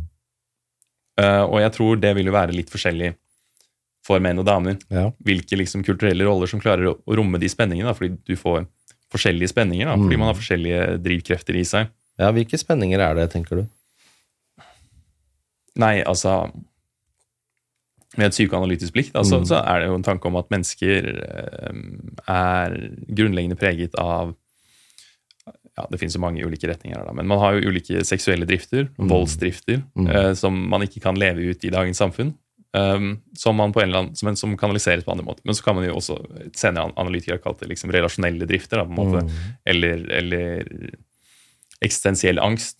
Ønske om å fortrenge det. Da. Um, men at det er noen på en måte, grunnmotiver, da, hvis du vil. Altså funksjoner av, av oss som har vært nyttige en gang i tiden, Mm. Uh, og som har vært mulig å leve ut, men som nå uh, går imot eh, sivilisasjon. Uh, på en måte. Og en Mm. enkel måte å tenke på det på er jo bare at vi vi har nå blitt utviklet over, over mange hundretusenvis av år, Mm. millioner av år, for å leve under visse betingelser, altså mer sånn, sånn eh, ja, tidlig sånn jeger-sjankesamfunn. Det er der hjernen vår er, da, på en Mm. Ja, måte. Den har ikke, den har ikke catchet opp til Ja. senindustrialisert tid, på en måte. Mm. Og det er derfor har ikke catchet opp, ikke sant? Vi, det, har skjedd så fort. Denne siste perioden er blitt så teknologisk avansert at nei, vi er fortsatt i jeger... Eh, sankersamfunnet. Og det er derfor vi har masse problemer med fedme og liksom Mm. diverse form for avhengighet, eller liksom sånn telefonavhengighet osv. Fordi Mm. vi er jo mer optimalisert til å fungere under helt andre betingelser. Så vi blir liksom overstimulert, på en måte. Um, og jeg tror det er veldig viktig når vi snakker om på en måte disse, disse grunnleggende motivene og på en måte sivilisasjon som, som sådan, da, fordi det er jo såpass nytt. Mm. Spesielt liksom den, den, den, den lille liksom 200-årsperioden vi har med relativ fred, er jo på en måte bare liten liksom nisje. Og spesielt i Norge. Altså, Norge er bare en liten sånn 60-70 års lomme med eller Skandinavia da, med liksom likestilling som vi bare aldri har hatt noensinne Ja, ja. ellers. En ekstrem hårfin balanse som vi har klart å skape, og så har vi på en måte blitt så vant til den at, at det er lett å glemme da, på en måte hva som ellers har vært. Um, jeg vet ikke hva jeg skulle med dette. Ja, men jeg er helt enig. Altså, hvis man ser på, hvis man zoomer ut, da, Mm. og ikke bare eksisterer liksom sånn 50 års eh, tidshorisont, som det er lett å gjøre, man får sånn der eh, tunnelblikk, da. Hvis vi zoomer ut, ser for oss en tidslinje, så bare hvor lenge har mennesker eksistert? Noen millioner år eller noe, i, i ulike former, da. Uh, og så ser man oi, det er hele den digre tidslinjen. Og så der liksom bitte lille sekundene, der eksisterer vi i liksom 50-årsperioden nå. Men det betyr jo ikke at, at vi kan bare glemme hele den biologiske utviklingen til mennesket fram til nå. Og bare tenke at nei, det bare setter vi en strek over, og så er det egentlig bare akkurat hvordan vi er nå, som er sånn vi også eksisterer biologisk. Mm, mm. Men så er til å være en god mann, da, eller et godt Ja. menneske um, Hva er en god mann i Norge i 2023? I din, din mening? Nei, altså um, Jeg tenker det blir jo ganske universelt, men jeg tror jeg holder meg til det jeg sa tidligere, om at det, det handler om å um, integrere um, det som er i oss, um, og fortsatt kunne handle og leve som et sivilisert menneske. Mm. Det er målet, da. Så det krever jo på en måte at vi forholder oss åpent og ikke dømmende til det som faktisk er i oss. Ja. Og så klarer vi å integrere det på en måte som er sunn, Mm. og, og, og skape et sivilisert samfunn med, bak, med base i det. da. Riktig. Og da kan man også, for det funker også motsatt vei, sånn logisk sett, å si at hva er en god kvinne? Jo, det er det samme, på en måte integrere de eh, biologiske elementene, altså driftene og spenningene eh, på det feminine aspektet, på det kvinnelige aspektet, og fortsatt leve godt i et samfunn. Så den, den funker begge veier. Fordi det er så lett når man prøver å definere eh, Man kommer ofte til kort da, når man prøver å si hva er en god mann, og så begynner man å ramse opp egenskaper. ikke sant? Ærlighet, integritet, solidaritet. Liksom, begynner å nevne masse dyder eller egenskaper eller verdier. Mm. Og så blir det, men det funker begge veier. Det funker til kvinner òg, så det kommer ikke noe lenger. Det, det, det skiller ikke ad på noe som helst sted. Det, liksom, det blir universelt. da. Og det er nettopp det jeg prøver å komme frem til, er hva er det som skiller eh, gjør det eksklusivt da, og si at dette er en god mann, og, og tilsvarende eksklusivt dette er en god kvinne. Men det kan jo være samme På et eller annet nivå kan det jo være samme idealer, men at man kanskje har ulike spenninger man trenger å integrere. da. Ja, ikke sant? Mm, det er en fin definisjon, Mm. fordi det funker for begge kjønn. Mm. Um, og hvilke drifter er det vi har? Jeg tenker at driftene kan jo også være opphav til gode egenskaper hos menn. For jeg prøvde å tenke over det. Altså, okay, hvis vi tar ett nivå opp, da, fra driftene og spenningene opp til faktisk integrerte verdier og måte å være på i samfunnet, eh, så, så tenker jeg at det maskuline er positive maskuline egenskaper. da, er jo f.eks. å være eh, Å møte det du frykter, Mm. tenker jeg. Eh, det er å, å være villig til å møte det som er farlig. Um, og det er å være selvhevdende. Det er å ikke frykte risiko, men gå inn i det. Det er å være villig til å stå opp for noe. Mm. Villig til å, å, å kjempe for noe. Tro på noe. Villig til å gå mot strømmen. Mm. Når alle andre, når hele saueflokken sier at gå den veien, og, og tenke selv, da, være et individ og tenke nei, jeg går den veien, jeg. Fordi det er det, min overbevisning, det er det jeg mener. Det er en slags aggresjon i det òg. Alt dette her ligger jo aggresjon til grunn da, for å klare å være selvhevdende på den måten og tenke selv. Mm. Være et individ. Og det å beskytte Jeg tenker at det å beskytte kvinner og barn, hvis du har familie, det er en positiv maskulin egenskap. At det er noe sånt som eh, å, være villig til å utøve vold når det trengs.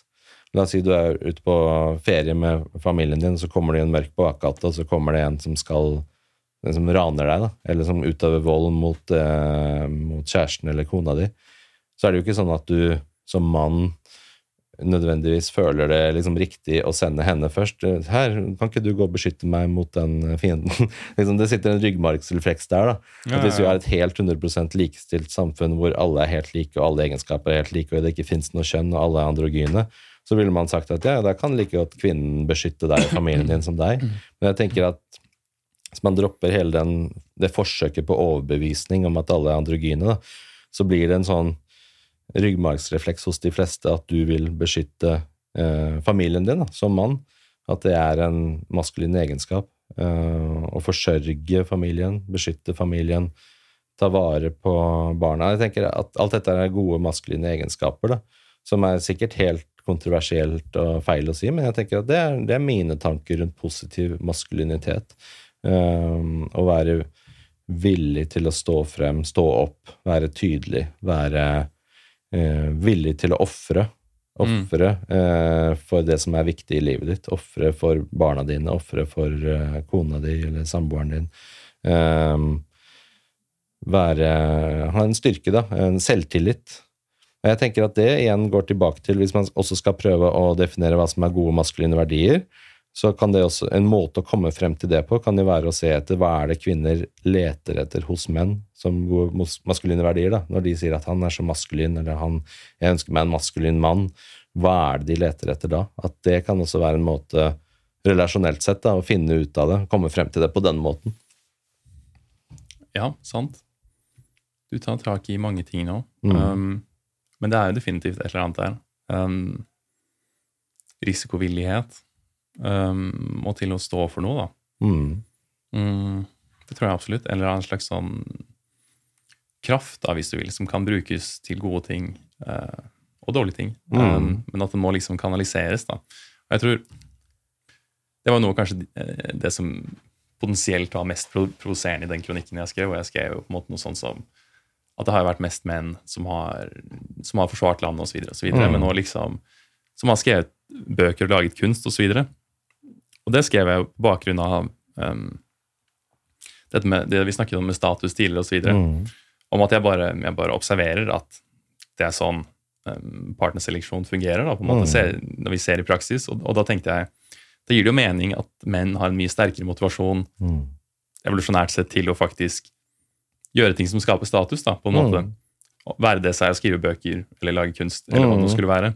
Stå frem, stå opp og frem og, og Og skille det, seg ut. Og det er risikofylt òg, på en måte. Mm. Fordi jeg mener, det, er jo farlig også, da. Mm. um, å si noe kontroversielt. Mm. Um, men at det også er viktig, da. Tilsynelatende. Stå for det man tror på, da. Mm. Selv om det er farlig. Og at ja, kanskje man kan ta, hvis man spekulerer, da, tilbake til eh, steinaldermetaforen igjen, så var det ikke, tjente det ikke noe hensikt hvis la oss si, kvinnen var den som passet på barna. Så, så var ikke det nødvendigvis en god egenskap hos kvinnen å være veldig risikosøkende. Mm. For det viktigste jobben hun hadde i hula, var liksom å ta vare på, på barna. Og mens mannen var ute og, og sanket eller ute og jaktet på dyr og sånn. Da var det ikke noe det var ikke noe positiv evolusjonær egenskap å være risikosøkende som kvinne. Da var jo barna overlatt til seg selv. da. Mm. Så sånn sett så blir det liksom Hvis man også skal se på det utfyllende til hverandre, da. Hvis man hadde roller, tidlige kjønnsroller liksom i steinalderen, hvor, hvor mannen var ute og jaktet, så, så komplementære vil jo da bli at den andre er hjemme med barna. på en måte, At det blir en sånn uh, For å utfylle hverandre, da, som mann og kvinne. Så måtte du nødvendigvis gjøre det motsatte av den andre. Hvor damer også drev med mye sanking. Ja, det gjorde de nok. Plukke bær og alt mulig rart. Mm. At, men vi er jo selvfølgelig vi er jo ikke i steinalderen, det er ikke det jeg sier. liksom. Folk kommer til å sitere ja, han tror at vi lever i steinalderen. Nei, vi, vi lever ikke i steinalderen, men jeg prøver å finne ut hva er det vi kommer fra. Hva er det de dypeste biologiske driftene våre kommer fra? Det må jo komme fra en tilpasning til miljøet, tilpasning til vanskelig natur, vanskelig overlevelse. Vi, vi fikk forskjellige roller. Um, og det har formet oss som mennesker til den dag i dag. Da. Og vi kan liksom ikke bare glemme, vi kan ikke kaste ut barnet med badevannet på en måte, bare fordi vi er så avanserte og intelligente og rasjonelle nå, da, Mm. og si at ingenting av dette her Det er ikke noe igjen av noe av dette her i oss som mennesker i 2023. Selvfølgelig er det det. Det er bare at vi ikke liker at det er sånn. Ja, og det er jo en annen ting med Som vi snakket om tidligere, da, med sånn luksusoverbevisninger. At sånn at noe av det grunner jo i at man har det overskudd til å fortrenge disse tingene, da, Mm. muligens. Ja. Mens eh, med en gang man blir litt mer fattig og litt mer desperat, så kommer det mer til overflaten. da. Mm. Ja, ja. Være det seg i ulike former for kriminalitet eller liksom Mm. lignende ting. Mm. Um, og som jeg også syns er interessant uh, i lys av, som vi snakket om i den bredere geopolitiske konteksten, da, med fremvekst av populisme nå, Mm. hvor det er jo en litt fascinerende trend, da, fordi mye av, av den radikale høyrebevegelsen er jo på en måte en marginalisert arbeiderklasse. Mm. Og, og det er et spørsmål jeg har stilt til meg selv mye. Um, hvorfor stemte halvparten av amerikanere på Trump, egentlig? Mm. Må, vi må jo ha et eller annet svar på det. Mm. Det er jo en grunn, for, Ja, ja. Og det er Altså- ikke bare fordi de er dumme. Nei, for det er det lette svaret som folk sier. Ja, halvparten av USA er idioter. Men nei, er du sikker på det? Hva er sannsynligheten for det? 50% av så mange millioner mennesker er dummere enn deg selv. Det er noe veldig sånn der uh, arrogant holdning å ha også overfor så mange mennesker. Og bare tenke at alle de der er nok dummere enn det jeg selv ville vært. Er du sikker på det? Eller er, kan det ha med for eksempel motkultur å gjøre? At man var lei av det som var? At man ville ha et annet svar på ting? Selv om det ikke var et ideelt valg, så var det i hvert fall bedre enn det som var. Og det er sånn luksusoverbevisninger. da. Mm. At de som sier at de er dumme, er fordi de har råd til å ha disse idealistiske overbevisningene. Mm. Fordi de ikke må forholde seg til ja, la oss si livets realitet Ja. på samme måte, siden de, har- de, er så, de har så mye overflod. Mm. Um, og det syns jeg er interessant. Og det er jo en fremvoksende trend på en måte i hele Europa også nå. da. Og spesielt nå når det kommer mer eh, flyktninger. på en måte Mm. Alle de landene som har mottatt mest flyktninger, Mm. liksom sånn Tyrkia, Hellas osv., har blitt heftig ja, Og Italia også. Veldig dragning mot høyreradikale Mm. ideologien. Og det er fascinerende. Hvorfor er det sånn? Mm. Ja, ikke sant. Tilbake til grenser, tipper jeg. Det er vel eh, noe av det viktigste i våre liv, egentlig, er jo Skal man ha grenseoverskridende tilstander, eller skal man ha grenser mellom ting? Og det er vel det mest fundamentale skillet mellom høyre- og venstresiden, er hvordan man forholder seg til grenser.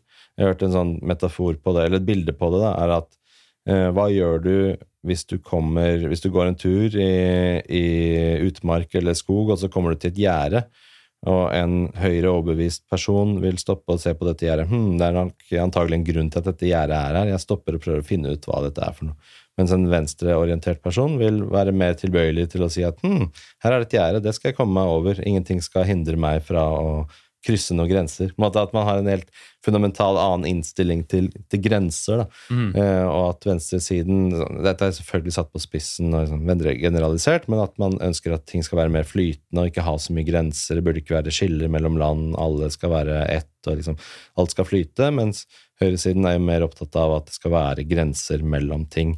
At grenser mellom land, mellom samfunn, i huset ditt, det skal være lås på nøkkelen, sant? Altså, eller, altså lås inn til deg selv, da, der hvor du bor. Ja. Eh, at vi trenger grenser da, i alle lag hele veien. Det er noe forskning på, på ulike eh, orienteringer, da, på en måte. Mm. Med, med at det er litt arvelig hvilke liksom, type politiske meninger man har. Mm. Hvor du ser at folk som stemmer mot, med et høyre, har en høyere såkalt sosial dominansorientering, som Mm. betyr at du har mer aksept for at det er hierarkier. da. Mm. Mens eh, folk som stemmer venstre, vil ha mer egalitære samfunnsstrukturer. Mm. Og det er en sånn grunnleggende en arvbar preferanse, da, Mm. eh, som er bare helt sånn i ryggmargen. Det er ikke Ja, ja. Det bare er sånn. Eh, Det er interessant også nevner det egalitære, for det så jeg noe Jeg har nevnt noe sånn forskning som jeg har lest om dette her, som har med å gjøre at eh, Jo, det var en systematic review, en sånn metastudie, som så på eh, dette med eh, valg av yrker i Skandinavia, og da fant man ut at på tross av at vi har veldig egalitære samfunn, så velger eh, de ulike kjønnene mer tradisjonelle eh, yrker allikevel, eh, i forhold til at f.eks. flere kvinner velger sykepleieryrker og omsorg, og mer, flere menn velger ingeniøryrker med ting. På tross av at vi er så egalitære og forsøker å ha mye likestilling, så går det på en måte i motsatt vei. da. Og det stusset forskerne over, og de ville jo selvfølgelig ikke at det skulle være sånn. og De fleste forskerne var venstreorienterte, og de ønsket jo ikke det utfallet, men det var det utfallet de fikk. da. At det faktisk er sånn at eh, jo mer egalitært et samfunn blir, jo mer tenderer vi til typiske, tradisjonelle eh, kjønnsroller eller, eller valg av yrker i Mm. forhold til hvilket kjønn du er.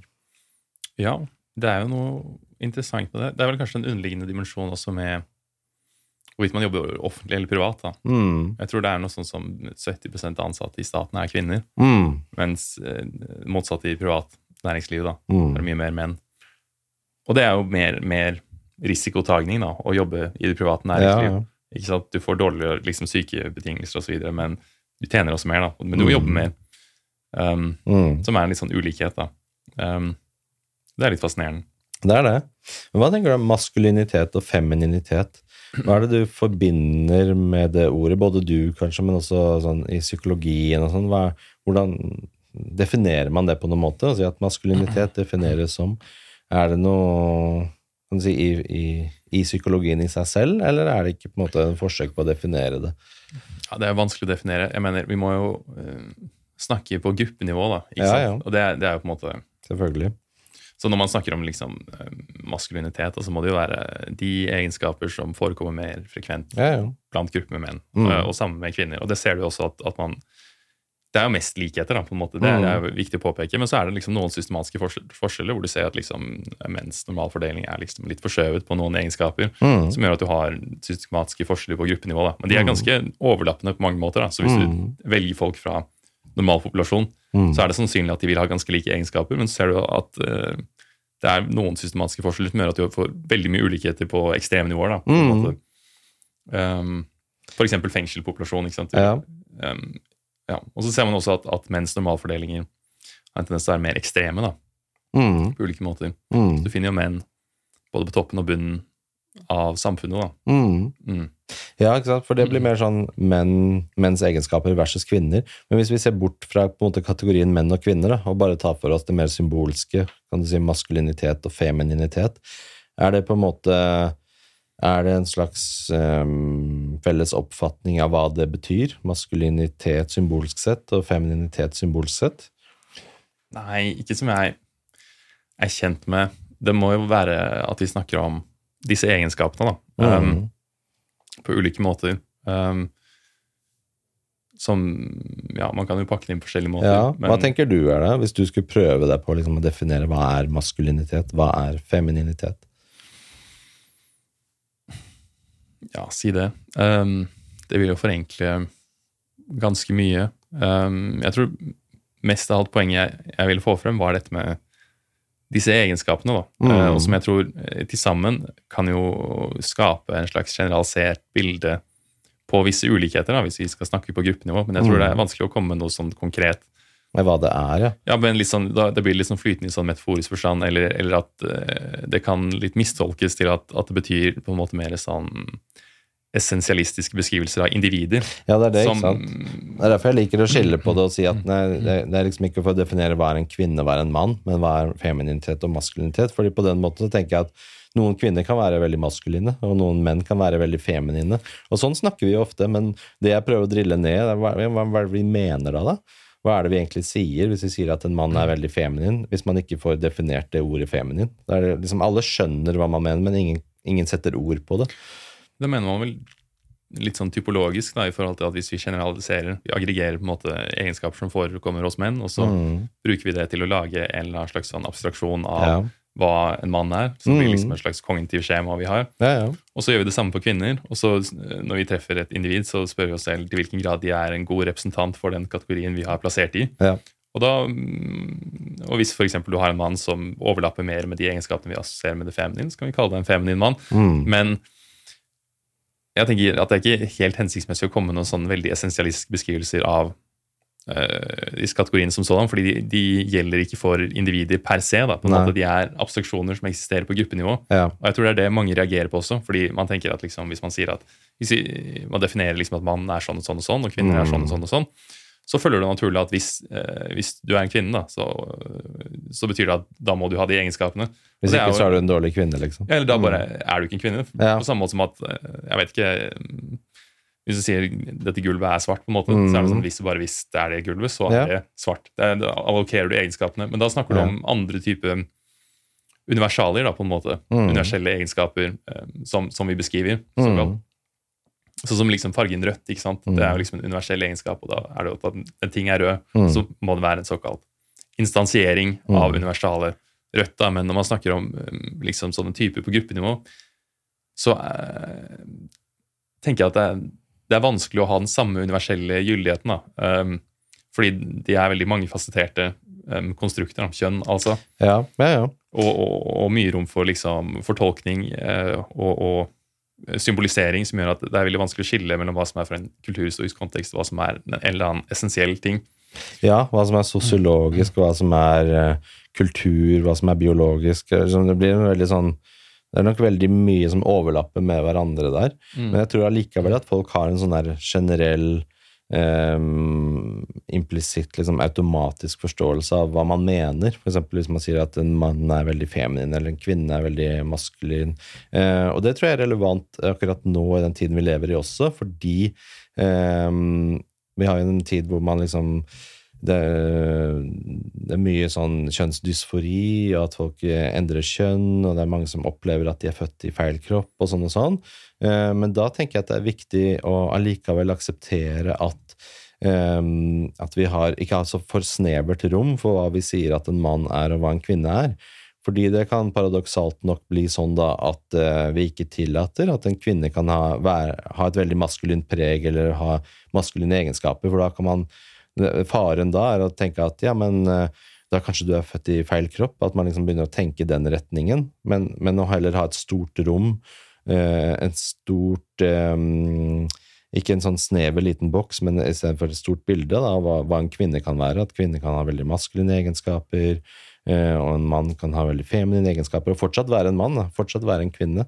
At det er ikke noe galt med deg for det. da. Det har jeg snakket med litt sånn forskjellige psykologer sånn på denne podkasten her nettopp om, at vi må ikke gå den retningen at det blir så snevert hva en mann er, hva en kvinne er.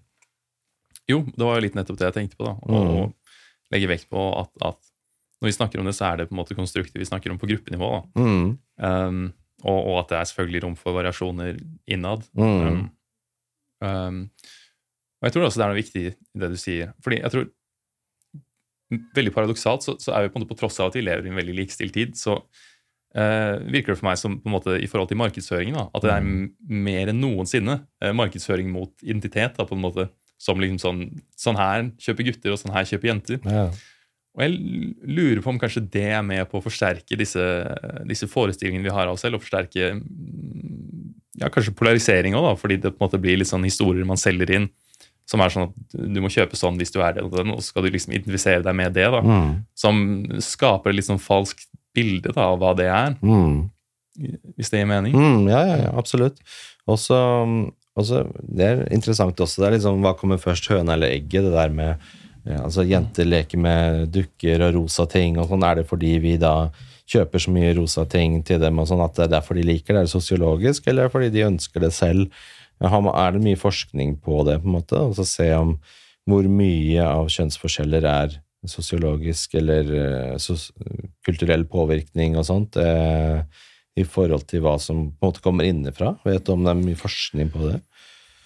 Ja, det er veldig vanskelig å svare på. Ja. Det blir jo veldig sånn helt avhengig av hva slags eh, vitenskapelig metode du bruker, og hvilken liksom, vitenskapsteori du legger til grunn, Mm. og hvilket på en måte, analysenivå man Mm. befinne seg på. Hvis du liksom går inn i en mer sånn, sånn strukturalistisk maktanalyse uh, og litt sånn diskursiv um, litterær analyse, så, så er, eh, blir det en helt annen uh, domene da, enn hvis du på en måte skal liksom sammenligne personlighetstester eller neurofysiologisk modning eller alle disse ulike områdene da, som, Mm. som gjør at det er vanskelig å si noe helt definitivt. på en måte. Mm. Um, og så er det jo liksom folk driver og snakker om arv og miljø, og så- eller, miljø, og det er jo helt feil. ikke sant? Fordi Mm. jeg mener, De går inn i hverandre. på en måte. Mm. Altså En, en, en arv kan jo selvfølgelig ikke realiseres uten et eller annet miljø. Mm. Og det vil jo realiseres på en viss måte pga. det miljøet.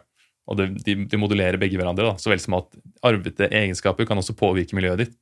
For eksempel hvis du er en veldig um, hissig person da, Mm. av temperament, så er jo det sannsynlig at det påvirker relasjonene dine. Det påvirker Mm. hvordan folk interagerer med deg. Så, og det er jo en miljøeffekt som da du arver, på en måte. Um, du skaper på en måte ditt miljø også, så det er veldig vanskelig å skille mellom hverandre. Det var jo det jeg, jeg sa i stad med, liksom, med fedme. da, Mm. At selv om du har et arvet disposisjon til å bli litt lubben, på en måte, Mm.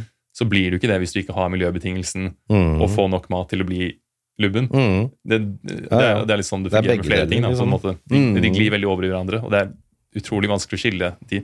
Også sånn arvelighetsstudier på sånn, sånn, der, sånn, eh, sånn kvantitativ eh, atferdsgenetikk, er sånn tvillingstudier osv., de er jo også forstått innenfor en viss kulturhistorisk kontekst, da, sånn arvelighet, Mm.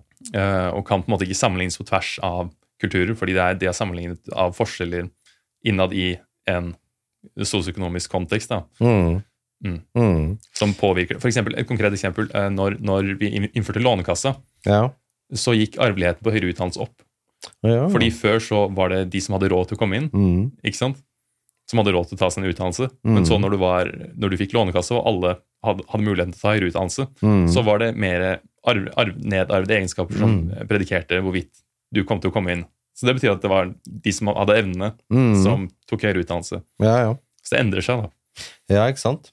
Men jeg, jeg tenker på den kronikken din også, så tror du skrev vel det med at vi lever i et feminisert samfunn, ikke sant? La oss gå inn på det. Hva tenker du der, og hva, på hvilken måte lever vi i et feminisert samfunn?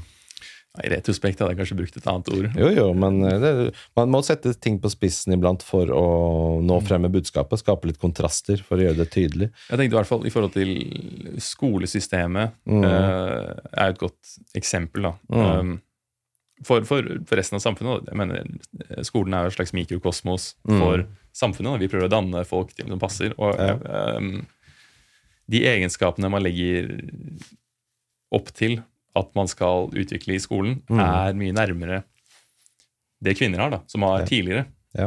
Um, vi utvikler på en måte selvregulering videre tidligere enn gutter. Og at man prøver å, å minimere um, mer typisk gutteatferd på ulike måter. Um, og det var det jeg på en måte la i feminisert, altså lagt opp mer til eh, kvinnelige egenskaper. Men så må jeg selvfølgelig nevne ikke sant, at det er, det er selvfølgelig masse menn på toppen og så videre, som klarer ja. seg osv. Mm. Um, men det er litt sånn, alle vet jo det. Mm. Um, men um, det jeg mente, var jo mer å forstå det i en litt sånn mer sånn, den, der, den historiske konteksten jeg nevnte tidligere, Mm. ikke sant? hvor vi på en måte har fått en, en, en liksom ekstremt fredelig tilstand på en Mm. måte over de siste ja, 50-60 årene. Han, han Fukuyama snakket om sånn the end of history Mm. osv. når vi fikk liksom sånn den muren falt, og liksom det var liksom og Man tenkte at måte, det var slutten. Da, da hadde vi ikke noe mer krig. eller et eller annet sånt. Det var liksom bare opplysning videre fremover til, til liksom evigheten. Mm. Nå viser jo Ukraina at det, at det var jo ikke sant i det hele tatt. Nå har vi ang- angrepskrig igjen og frem, fremvekst av populisme osv. Men, men det er, er jo noe annet. da. Men Mm. det jeg prøvde å indikere, var på en måte at vi lever i en ekstremt fredelig tid. da, At vi trenger mennesker med fredelige egenskaper, som er samarbeidsvillige, sindige, har medfølelse for hverandre og, og, og lignende.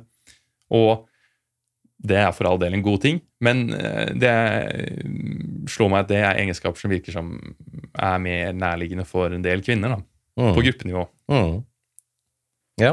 ja, det er jo det. Eh, Og det er vel altså forskning på det som viser at sant, menn er mye mer tilbøyelige til vold enn det kvinner er. Og um, så vil man tenke bare sånn automatisk eh, ut fra bare sin egen erfaring, at kvinner er kanskje ofte dyktigere på dette med å snakke om følelser og det relasjonelle og empati og forstå hverandre, mens menn er tydeligere, mer direkte, kanskje mer tilbøyelighet til vold, eh, aggresjon.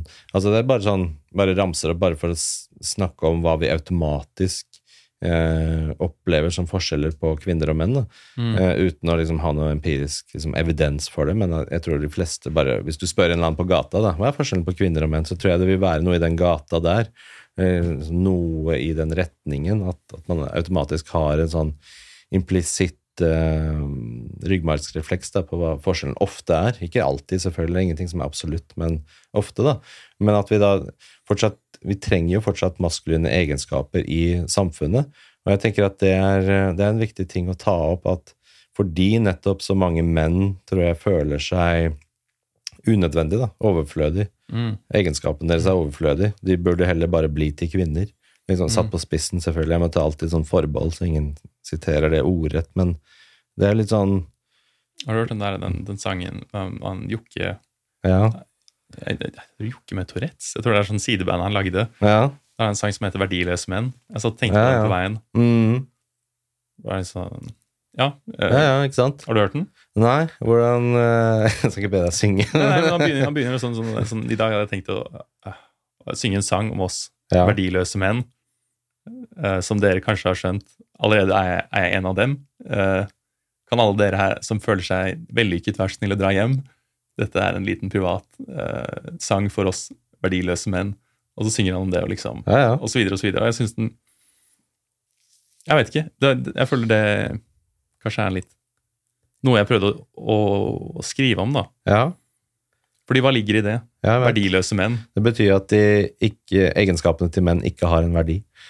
Ja, men hvorfor er de, de verdiløse på en måte i samfunnet? Mm. Um, Fordi vi ønsker vi, vi har et samfunn Vi har en sånn samfunnsånd, en retning i samfunnet hvor vi er veldig opptatt av empati og forståelse og følelser. Mm. Eh, og det er mer synonymt med feminine verdier. Derfor er maskuline noe uønsket, fordi det ikke er eh, i balanse med det.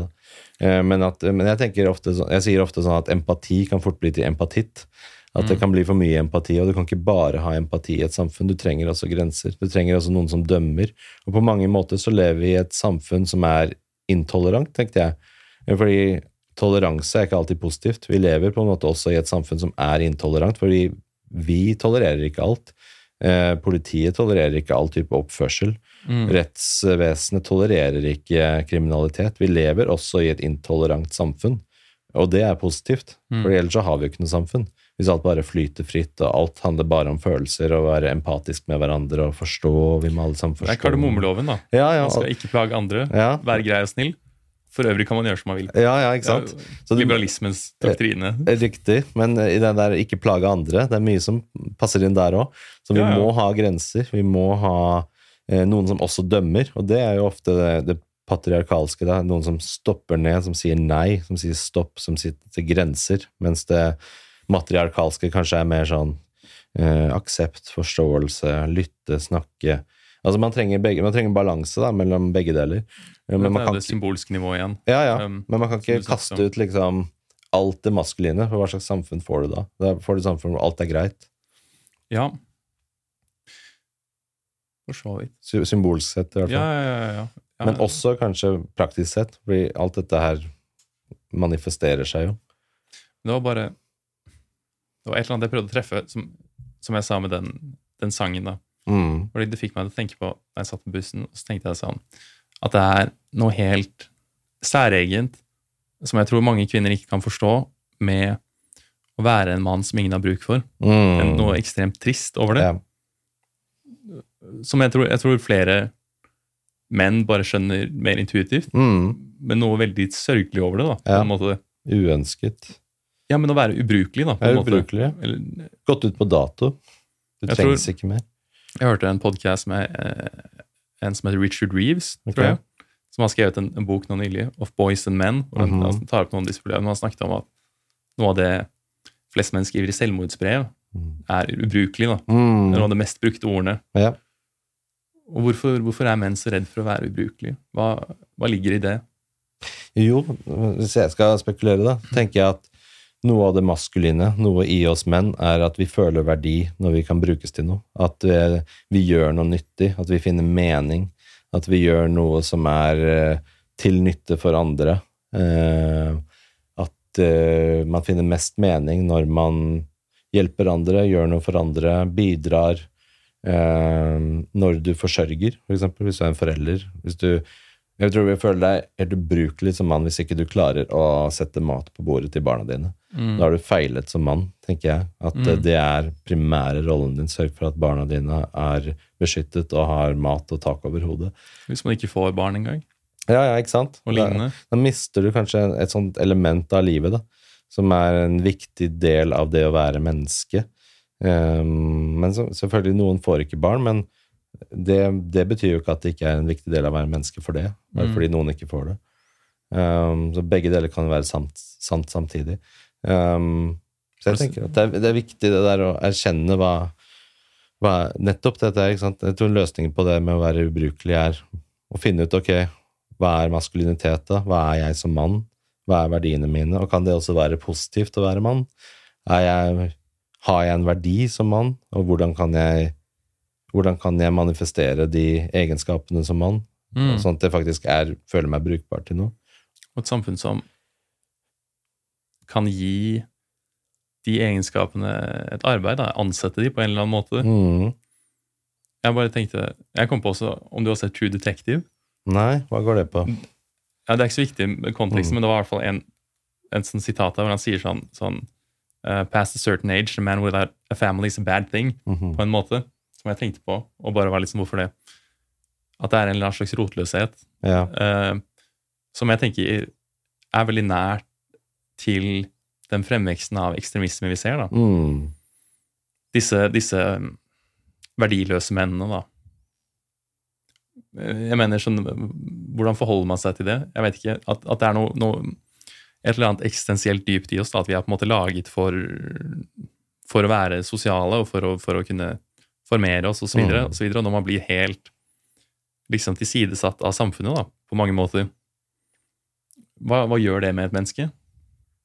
Ja, og det å være uten, utenforskap, det er noe av det verste, ikke sant? Spesielt for oss sosiale dyr som mennesker. Vi trenger en tilhørighet, vi trenger å føle at vi har et hjem. Og hvis vi er utenfor, så blir vi redde, vi blir engstelige. Vi hører ikke til noe sted, da.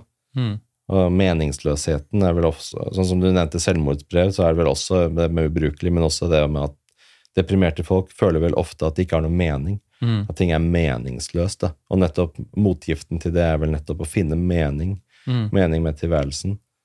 At det, det er veldig viktig, da. Og jeg tenker at det med å være mann så Jeg tenker at vi må kjempe mot de der kreftene i samfunnet som sier at menn er ubrukelige. Bare, jeg bare tenker det er, et- så- det er så indikativt da, at det første motsvaret til din kronikk var 'Nei, vi trenger ikke menn', var liksom overskriften. Bare sånn, hva slags det, Jo da, jo da. Jeg, men det er sånn, jeg, bare, bare det er sånn jeg tenker, hva- Hva hvis det var motsatt? da? Hvis en mann hadde skrevet det 'Nei, vi trenger ikke kvinner'. Altså det hadde jo blitt, Ingen som har vært enig i det, verken menn eller kvinner hadde vært enig i det. Det var jo det med dette med nødvendighet, da, ikke sant? At Mm. kvinner ikke er avhengig av menn lenger. Ja, Og det er jo sant, og for så vidt en god ting. Um, men men det er det jo i et, i et likestillingsperspektiv, for all del. Og, men men, men um, spørsmålet jeg, jeg liksom stiller meg selv, og det går liksom gjennom flere punkter, da, som disse, disse folk som stemte på Trump, eller Trump, Mm. eller liksom fremveksten av populisme, eller mange, mange av de er jo menn, da, vil jeg tro. Menn Mm. med lav utdannelse som, som blir marginalisert. Og hvordan kan vi bringe de tilbake inn i, i samfunnet, da? Ja, ja. Ja, det er viktig. Men jeg, jeg tror at det har med holdning å gjøre. Til at vi må slutte å liksom demonisere hverandre, demonisere menn, og si at det ikke er noe det er ikke noe særlig å være mann, vi trenger ikke menn. liksom. Kan ikke ha den holdningen i samfunnet, da. For hva gjør det med unge gutter? Når det er den holdningen de møter når de leser NRK eller ytringer eller offentlige diskursen eller offentlig ordskifte, da, Ja. så ser de sånne type overskrifter som at vi trenger ikke menn. Og så bare ja, men hva med meg, da? Jeg er gutt, jeg skal jo bli mann. Så jeg trengs ikke, jeg, da. Jeg er ubrukelig, jeg, da. Jeg tror hun Linn er mer nyansert, men, men Ja det har jo det er- definitivt vært um, mer radikaliserte ytringer som, som har fått florere, da, på en måte, som en slags som, Det virker som at det er en slags sånn motvekt da, fra Mm. tidligere kvinneundertrykkelse. For eksempel liksom Jeg husker jeg så på Skavlan en gang med mamma, og det var en sånn Jeg husker ikke hva hun heter, men det var en sånn svensk skuespiller som sa noe sånn Jeg hater menn. Mm. Er det noe å si, liksom? Ja, ja. Så får du applaus. Ja, eller Og litt, litt lignende ting, da, på en måte. Um, og litt sånn Jeg vet ikke. Ja, også, også i skolen har vi litt sånn patologisering av gutters egenskaper. Mm. Som at vi liksom skal medisinere masse unge gutter som får Ja, ja. ADHD-diagnoser osv. Mm. og så er det sånn, hvor naturlig er det egentlig at en, en liksom syv-åtte år gammel gutt skal Mm. sitte stille? Det er Ja, ja. Ja, ja. ja men jeg, jeg tenker det er, i kjernen av det vi snakker om. Mm. at vi må erkjenne at menn og kvinner er annerledes, og vi trenger begge kjønn sine egenskaper. Mm. Og vi kan ikke demonisere én side og si at nei, vi lever i så fredelig samfunn, så vi trenger ikke menn. vi. Det sånn, men det jeg syns var fint, da, er å se i kommentarfeltene og sånt, uavhengig av på en måte kommentarene og replikkene på mer sånn kronikknivå, og se hva vanlige folk skriver. da. Og der er det mange som skriver, om kvinner også, skriver endelig Selvfølgelig trenger vi menn. Selvfølgelig trenger vi maskuline egenskaper. Jeg vil ha en maskulin mann. Altså det, er, det virker som det er mange også som, som tenker på den måten. Da. Det er bare at de ikke så ofte skriver eller kommer frem så tydelig i det offentlige ordskiftet, men, men iblant vanlige kvinner, da. um, kvinnen på gata, på en måte, så er jeg fortsatt opptatt av at menn skal være menn, på en måte, da. Sagt litt sånn tabloid, men Jo, at, jo. at man ønsker maskuline egenskaper, da, heldigvis. Jeg tror det er en stilltiende majoritet på mange av disse problemene. Men jeg tror Mm. en, en utfordring er jo at, at bare over de siste liksom, 30 årene så har vi fått en litt sånn veldig venstrelent meningselite som har på en måte fått uh, sett premissene for diskursen Mm. uh, med veldig sånn sterke utsagn uh, uten å ha rom for mer nyanser. da. Mm. Um, og det tenker jeg kan være litt skadelig. da, når Det var jo noen sånn greie i, i, altså i NRK for en stund siden hvor det var liksom sånn, sånn over halvparten, nærmest halvparten av unge tør ikke si hva de mener. Mm. Sånn der er jo giftig for demokratiet på, Ja, ja. måte, på lang sikt. fordi Det er det. hva, hva er effekten av det? Ja, ja. Og nettopp der trenger man den maskuline egenskapen av å stå opp og stå frem og si det du tror på. Eh, Og det er sagt veldig tydelig med vilje av meg, da, for å fremheve noen maskuline egenskaper. Det betyr ikke at kvinner ikke kan også gjøre det. Jeg bare sier symbolsk sett så er det kanskje en maskulin egenskap, men den aggresjonen som trengs for å stå opp mot, mot en sånn bølge av konsensus i samfunnet og si nei, vet du hva, hør på meg, jeg skiller meg ut, jeg stikker eh, ut nakken her og sier det jeg tror på. Eh, jeg tror det er viktig da, at flere gjør det. og Jeg tror at det også gjør at enda flere i sin tur vil gjøre det, for man ser at oi, det er jo lov å si hva man mener. Har du sett en folkefiende? Nei, nei hvordan, hva går den Det er jo eh, en sånn Historien er at det er en, en sånn lege da, som oppdager at den lokale kilden i byen er forgiftet. Mhm. Og så skal han liksom insistere Eller kurbade, eller noe sånt. da, Og så skal han insistere om det til liksom folk, og så er, er, blir folk veldig sure på ham fordi de har økonomiske interesser av dette. Mhm. Når han liksom bestemmer seg for å stå på sitt, så har han en veldig kjent monolog hvor han sier noe sånt som sånn Sterkest er den som står alene og på en måte eh, basically argumenterer for at den som på en måte står opp mot noe og, og, og tør å tenke selv, er ofte den som har rett, da, på en måte. Mm. Fordi kollektivet har en tendens til å undertrykke selvstendighet. da. Ja. Men, eh, og så er det noe med konsekvensene det har for han. Måte, han blir jo veldig forhatt i bygda. siden det, disse, det vil jo være en økonomisk tragedie for alle hvis det kommer ut, Mm. osv. Men allikevel er det viktig da, å stå opp mot det du frykter, og stå opp mot det som er farlig, fordi det er noe viktigere enn deg selv. Mm. Det tenker jeg, det husker jeg skulle komme tilbake til med det vi pratet om med å få barn, at det tenker jeg på nesten som en sånn viktig utviklingstrinn ja, i, i psyken din, er å få barn fordi det gjør at du begynner å sette noe annet som viktigere enn deg selv. Fordi Mm. frem til da er det kanskje lett å tenke seg selv først, eh, ofte i hvert fall, Eh, mens når du får barn, så er det nettopp det Jeg tenker Per definisjon, det å være forelder er å sette noen andre enn deg selv som det primære. Da. Sette Mm. noen andre først. Det er det du gjør ved å være forelder. At det oftest kanskje skjer hos mennesker ved å bli forelder. Det kan sikkert skje på andre måter også, hvis man ikke har barn, hvis man er veldig opptatt av noe eller dyrker noe veldig, men jeg tenker at barn i hvert fall gjør det, som regel. At du er nødt til å sette deg selv i baksetet og noe annet foran deg selv. Å kjenne sine egne begrensninger, kanskje. Mm. Ja. Og, og det å ofre deg selv for noe annet. Jeg tror Mm. de fleste foreldre ville gitt sitt liv for å redde sitt barns liv. Mm. Og det er ikke så mange andre ting man gjør med. Hvis du hadde spurt liksom, hva er du villig til å ofre livet ditt for, så det er ikke så mange ting. Men de fleste foreldre tror jeg ville sagt barna sine. Ja. Det er litt rart, det. Det er jo liksom sånn, I, i sånne krig og sånn snakker man jo om å ofre livet for Mm. fedrelandet og så Ja, ja. videre. Men jeg vet ikke om så mange har den samme romantiske følelsen til, Til landet sitt. til landet sitt nå lenger. Det, er liksom sånn, det virker ikke så umiddelbart romantisk å dø for fedrelandet. Nei, Det er nei. liksom- Det tror jeg altså vi mangler, det verdihierarkiet. Det tydelige hierarkiet som jeg føler de f.eks. har i USA, da, hvor barna på barneskolen alltid står ved siden av pulten med hånden på hjertet og sier I pledge allegiance to the flag and to my country. Og, sant? De har veldig det verdihierarkiet. da. ja. Eh, Om det er godt eller eh, vondt, liksom. Det sier ikke noe om, liksom, om det er negativt eller positivt, men de har i hvert fall identifisert tydelig hva er det som kommer først, hva kommer etter det, hva kommer ikke sant? Hva, hva er nummer én på pallen, på en måte. Og jeg tror det kan kanskje være sunt for mange mennesker å identifisere hva er det som er viktigst på verdihierarkiet ditt. Hva kommer først? Hva er nummer to? Hva er nummer tre? Hva er nummer fire? Hvis du måtte ofre noe, så måtte du ta bort tre ting. Hva sitter du igjen med? Du måtte ha et bevisst forhold til det. da. ja, og jeg, er tenker at i vår liberale samfunn så har vi på mer satt individet på toppen. da. Mm. Altså Før hadde vi liksom, ja, som sagt, Gud eller idealer eller, eller nasjonalisme Ja. i visse Mm. mengder. ikke sant? Forhåpentligvis ikke for mye, det kan jo være litt Mm. usunt òg. Ja. Men at nå er på en måte individets ønsker og meninger eh, kommet først. da. Mm. Um, Dostojevskij skriver i 'Brødrene Karamazov' at hvis Gud er død, så er alt lov. Mm. Som betyr liksom at når vi ikke har noen Gud, så har vi ikke noe, lenger noe å rette oss etter i livet. Mm. Det liksom, da kan man bare gjøre på en måte Mm. hva som helst. da. Ting blir liksom bare relativt og flytende. Ja, ja. Det blir sånn moralsk relativisme, eller subjektivisme. da. Bare velg dine egne verdier, du.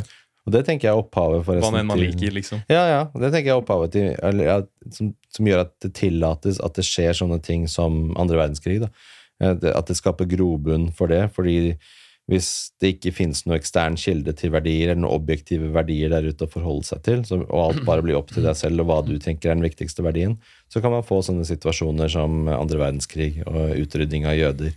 Fordi noen sier at dette er en verdi, og da skal vi gjøre det. Vi vil ha renhet i samfunnet, vi skal Ja. utrydde visse folkegrupper, og da er, er det det som er den øverste verdien. Det er vanskelig å spekulere i Mm. hva som er appellen i det, men, men jeg vet ikke, noe av det som er appellerende med litt sånn eh, fascistiske ideologier, er jo på en måte at når man har en, en eller annen nasjonal krise, da, og så på en måte fremme et eller annet tydelig verdisyn som sier sånn hvis vi gjør sånn her, så kommer vi til å rydde opp i det og Mm. liksom gjenreise nasjonens stolthet. da. Fordi jeg mener, eh, Tyskland var jo en litt sånn knukket og ydmyket nasjon da, etter første verdenskrig, og det var mange, en hel generasjon av traumatiserte folk som var frustrerte over, over det. da. Mm. Fattigdom osv. osv. Mm. Men det er også litt sånn at hvis man ikke har noen Jeg tenker det er altså en resultat av sekulariseringen, at det ikke er noen sånn tydelige verdier å forholde seg til lenger. Altså det er mer sånn relativt, da. Opp til deg selv. Og, mens før så var det liksom bare å gå og konsultere med Bibelen, med boka, på en måte. Der fant du ja, hva er det som er viktig her. Ti bud, ok. Det er, det er på en måte normene og reglene du lever etter. Mm. Og om det er positivt eller negativt, eh, det er ikke det jeg er inne på, men mer sånn, da var det i hvert fall tydelig Mm. hva man skulle leve etter. Nå har vi ikke den boka lenger i det sekulariserte samfunnet. Og, og Nietzsche sa jo det at eh, Gud er død, men vi vil aldri finne nok blod Nei, vi vil aldri finne nok vann til å vaske vekk blodet.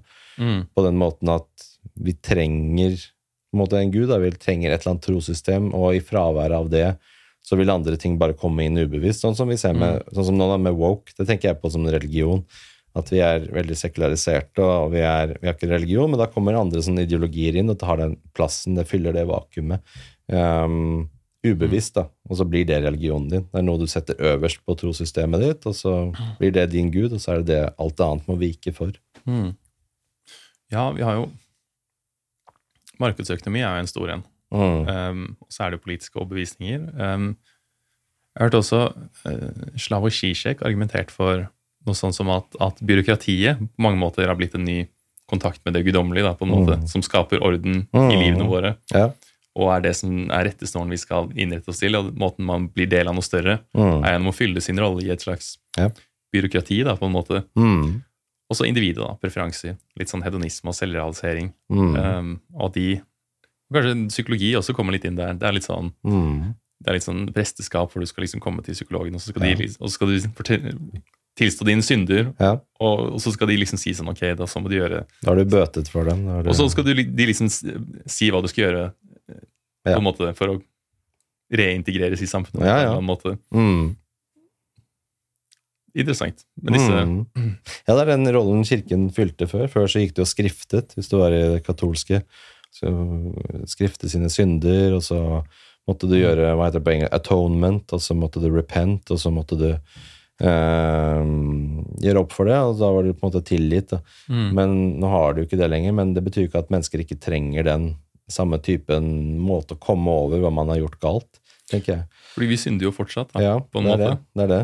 Og det er veldig innbakt i kristen tro, at mennesket er iboende Syndig. syndig, da, på en Mm. måte. Og at, eh, og at det er mulig å få tilgivelse for. da, At vi kanskje er dårligere på tilgivelse i vår tid. At Mm. vi har liksom, ja, med en litt sånn Mye av moderne statsvirksomhet er bygget på liksom kantiansk moral om, om sånn ideell rasjonalitet. Mm.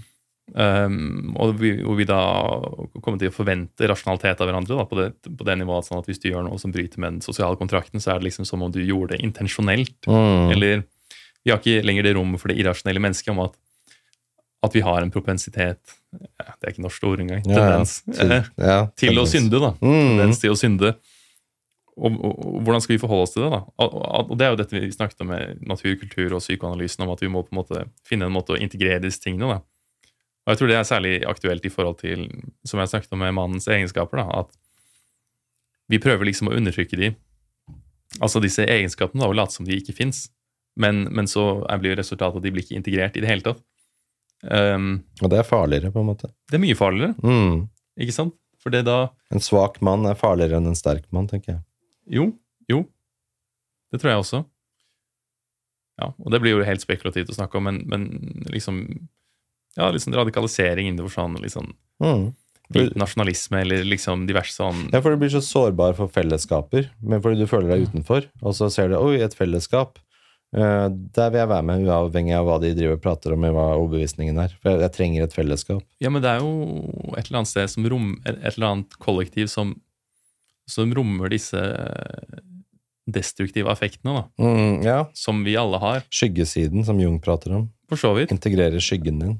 Og man trenger jo andre for å kunne integrere disse tingene. da. Altså Man snakker mye om i sånn psykologi om sånn selv, selvkonsept. da. Mm. Om, og det er en grunntanke om at, om at det skapes i møte med andre. da. Så på en Mm. måte min persepsjon av meg selv er betinget av den andre som ser meg. da, på en Mm. måte. Så de egenskapene jeg kan integrere i meg selv og mitt selvbilde, er også betinget av at andre kan akseptere de hos meg, da, på en måte, og, og reflektere de tilbake hos meg. Du lever også i andres blikk og forståelse av det. Og hvis jeg ikke kan ha disse egenskapene ute hos eh, i, i det offentlige rom, da, på en Mm. måte, og vise dem fram at jeg har dette, og bli akseptert for dem, så Mm. blir de undertrykt da, og kan tendere til å produsere mengder skam og så og Mm. skyldfølelse. Mm. Eh, så har kanskje folk et behov for å, for å oppsøke medier og personer som, hvor de kan, som løfter frem disse tingene, da, og som, Mm. og som eh, gjør de til noe de kan forholde seg til. Da. Mm. Ja, jeg tenker det er veldig viktig å integrere sider av seg selv, sånn at det ikke blir undertrykt. Sånn som voldelighet, seksualitet At alt sammen er integrert som en, som en helhet, da, som en sunn helhet i deg selv. Uh, og jeg tenker at vi må også kunne se på te, eh, evnen og, og kapasiteten til å være voldelig som noe positivt. Uh, hvis det brukes på en positiv må måte, f.eks. som å beskytte noen mot uh, overgrep eller vold. Altså selvforsvar, eh, beskytte andre. Altså det, jeg tror det er noe som kvinner ser etter hos en mann, er evnen til å kunne være voldelig dersom situasjonen krever det. Eh, og hvis du ikke har det, så klarer du ikke fysisk å beskytte henne eller barn. Eh, det var min spekulasjon, men jeg tenker at det er eh, det er også noe positivt. da. Man må ikke bare svartmale evnen til å være fysisk voldelig. Det kan også være en positiv ting dersom det handler om å beskytte eh, og selvforsvare og forsvare de du er glad i. Mm. Ja, det er vel denne mangelen etter positive maskuline idealer, da. Mm. Mm. Som vi kanskje har mistet litt, da. Mm. Ja, og hvem kan de positive maskuline idealene være? Hvem skulle de vært? Eh, og hvorfor er ikke de så tydelige i samfunnet vårt nå? Hvorfor er det ikke noe sånn tenker på at dette er en bra mann, ah, selvfølgelig han der, eller han. Hvorfor har vi ikke noen sånne tydelige navn på hvem vi ser opp til som en positiv maskulint forbilde? Hvorfor er det blitt si borte? Si det. Hmm. Det syns jeg er rart. Hvorfor, hvorfor er ikke det til stede? Hvorfor kommer det isteden sånn fremvekst av Andrew Tate? Og er det fordi vi ikke tør å være menn? Vi tør ikke å, å manifestere sunne maskuline verdier? Manifestere. Ja. vi tør ikke å agere dem ut. Det er kanskje noe med det til en viss grad, eller også En bare usikkerhet om hvor, hvor de eventuelt skulle passet i dagens samfunn. Da. De, det er jo nesten ingen steder. Det er ikke noe plass til dem. Altså, vi ser En sjelden gang når man skal bære noe, så Ja, ja, ja, så spør en mann, liksom. Ja, men alle de derre er litt tingene sånn som-.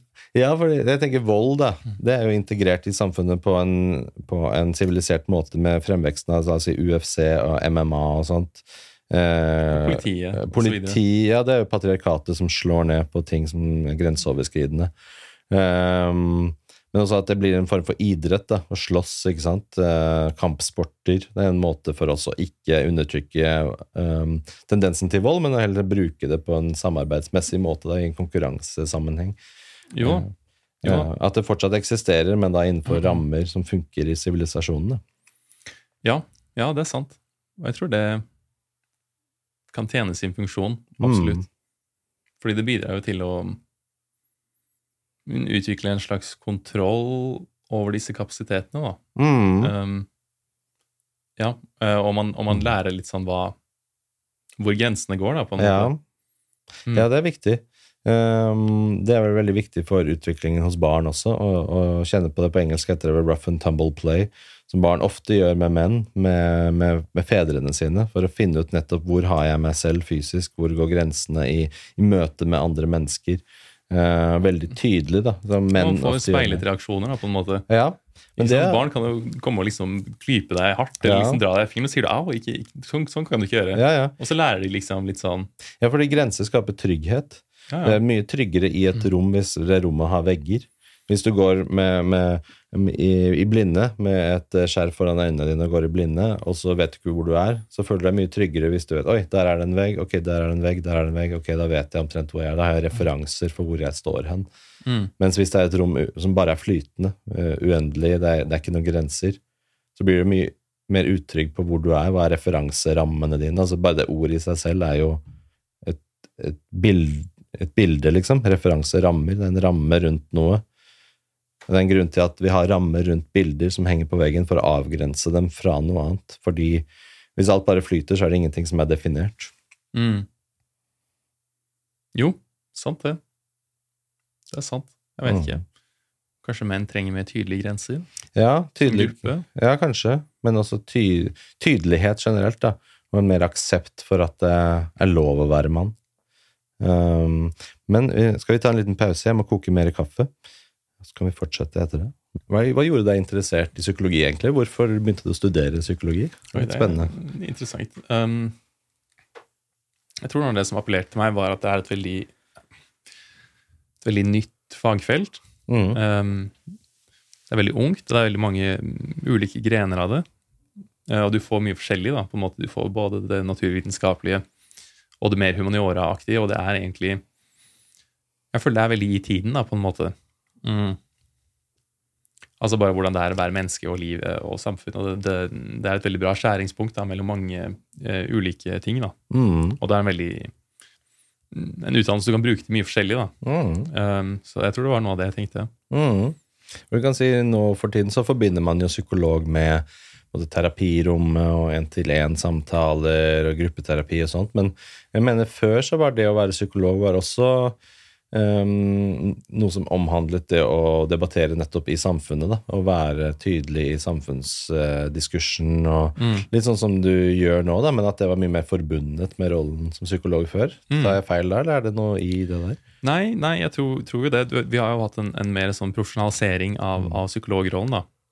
Um, fra å være litt mer sånn raddiser og sånn på 70-tallet Mm. eh, til å bli mer sånn helsepersonell, da, på en måte, mer Mm. spesifikt. Um, og det eh, har jo ulike fordeler og ulemper, da, på en måte. Eh, um, en professor på instituttet har skrevet mye om det, som heter Anne Kari Torjasbøen, som har vært veldig aktiv i profesjonskampen. Mm. Som er jo hun bare påpekte at det er en slags avveining mellom uh, å få makt innenfor systemet, da, på en måte, Mm. men da må du mer spille på systemets regler. da. Mm. Um, og så er jo det en slags balansegang man må ha. da, ikke sant? Fordi vi trenger jo også på en måte kritikere, systemkritikere. Ja. Men um, hvordan balansere de to rollene, tror jeg. Men jeg tror det er en viktig oppgave som jeg tenker psykologer i dag har gjort litt for lite. Altså um, å, å kunne beholde den, den kritiske funksjonen. For, I forhold til eh, psykisk helse, da, for jeg mener, det er jo noen ting i samtiden vår som, som er veldig usunt da, for psykisk helse, på en måte i forhold til um, at folk bor så mye alene, at vi har en liksom, sånn sosial atomisering osv. Og, Mm. og at man hele tiden skal konkurrere og, og, og på en måte prøve å optimalisere seg selv da, på en måte som utvikling av spiseforstyrrelser hos unge jenter pga. helt urealistiske kroppsidealer, som er på en måte ting som er direkte liksom, um, giftig da, for psykisk helse. Jeg tenker det er så, så tydelig, og jeg tenker at da må flere psykologer melde seg på banen, fordi vi kan ikke bare drive med sånn brannslukking, da, Mm. som er jo på en måte Vi må på en måte behandle samfunnet litt også, da. Eh, Hvis det er systematiske trender som gjør at store mengder mennesker blir syke, som det er, så er det jo et eller annet her vi må forholde oss til. Ikke sant? Det blir reaktiv versus proaktiv helse, på en måte. Ikke bare komme inn etterpå, prøve å reparere ting, men si noe om hvor er samfunnet på vei, Mm. hva er viktige elementer av samfunnet som vi må snakke om. Mm. Og det syns jeg du gjør, da, altså med å begynne å skrive kronikker. og Var det en sånn avveining for deg som psykolog å tenke skal jeg delta i samfunnsdebatten, skal jeg eksponere meg selv, eller skal jeg holde meg selv liksom privat? Eller, gjorde du deg mange tanker om det før du begynte å skrive og sånt? Jeg tenkte jo litt på det. Jeg mener, Det er en betent situasjon, men det er jo kanskje nettopp derfor man trenger å gjøre det, Mm. um, tror jeg.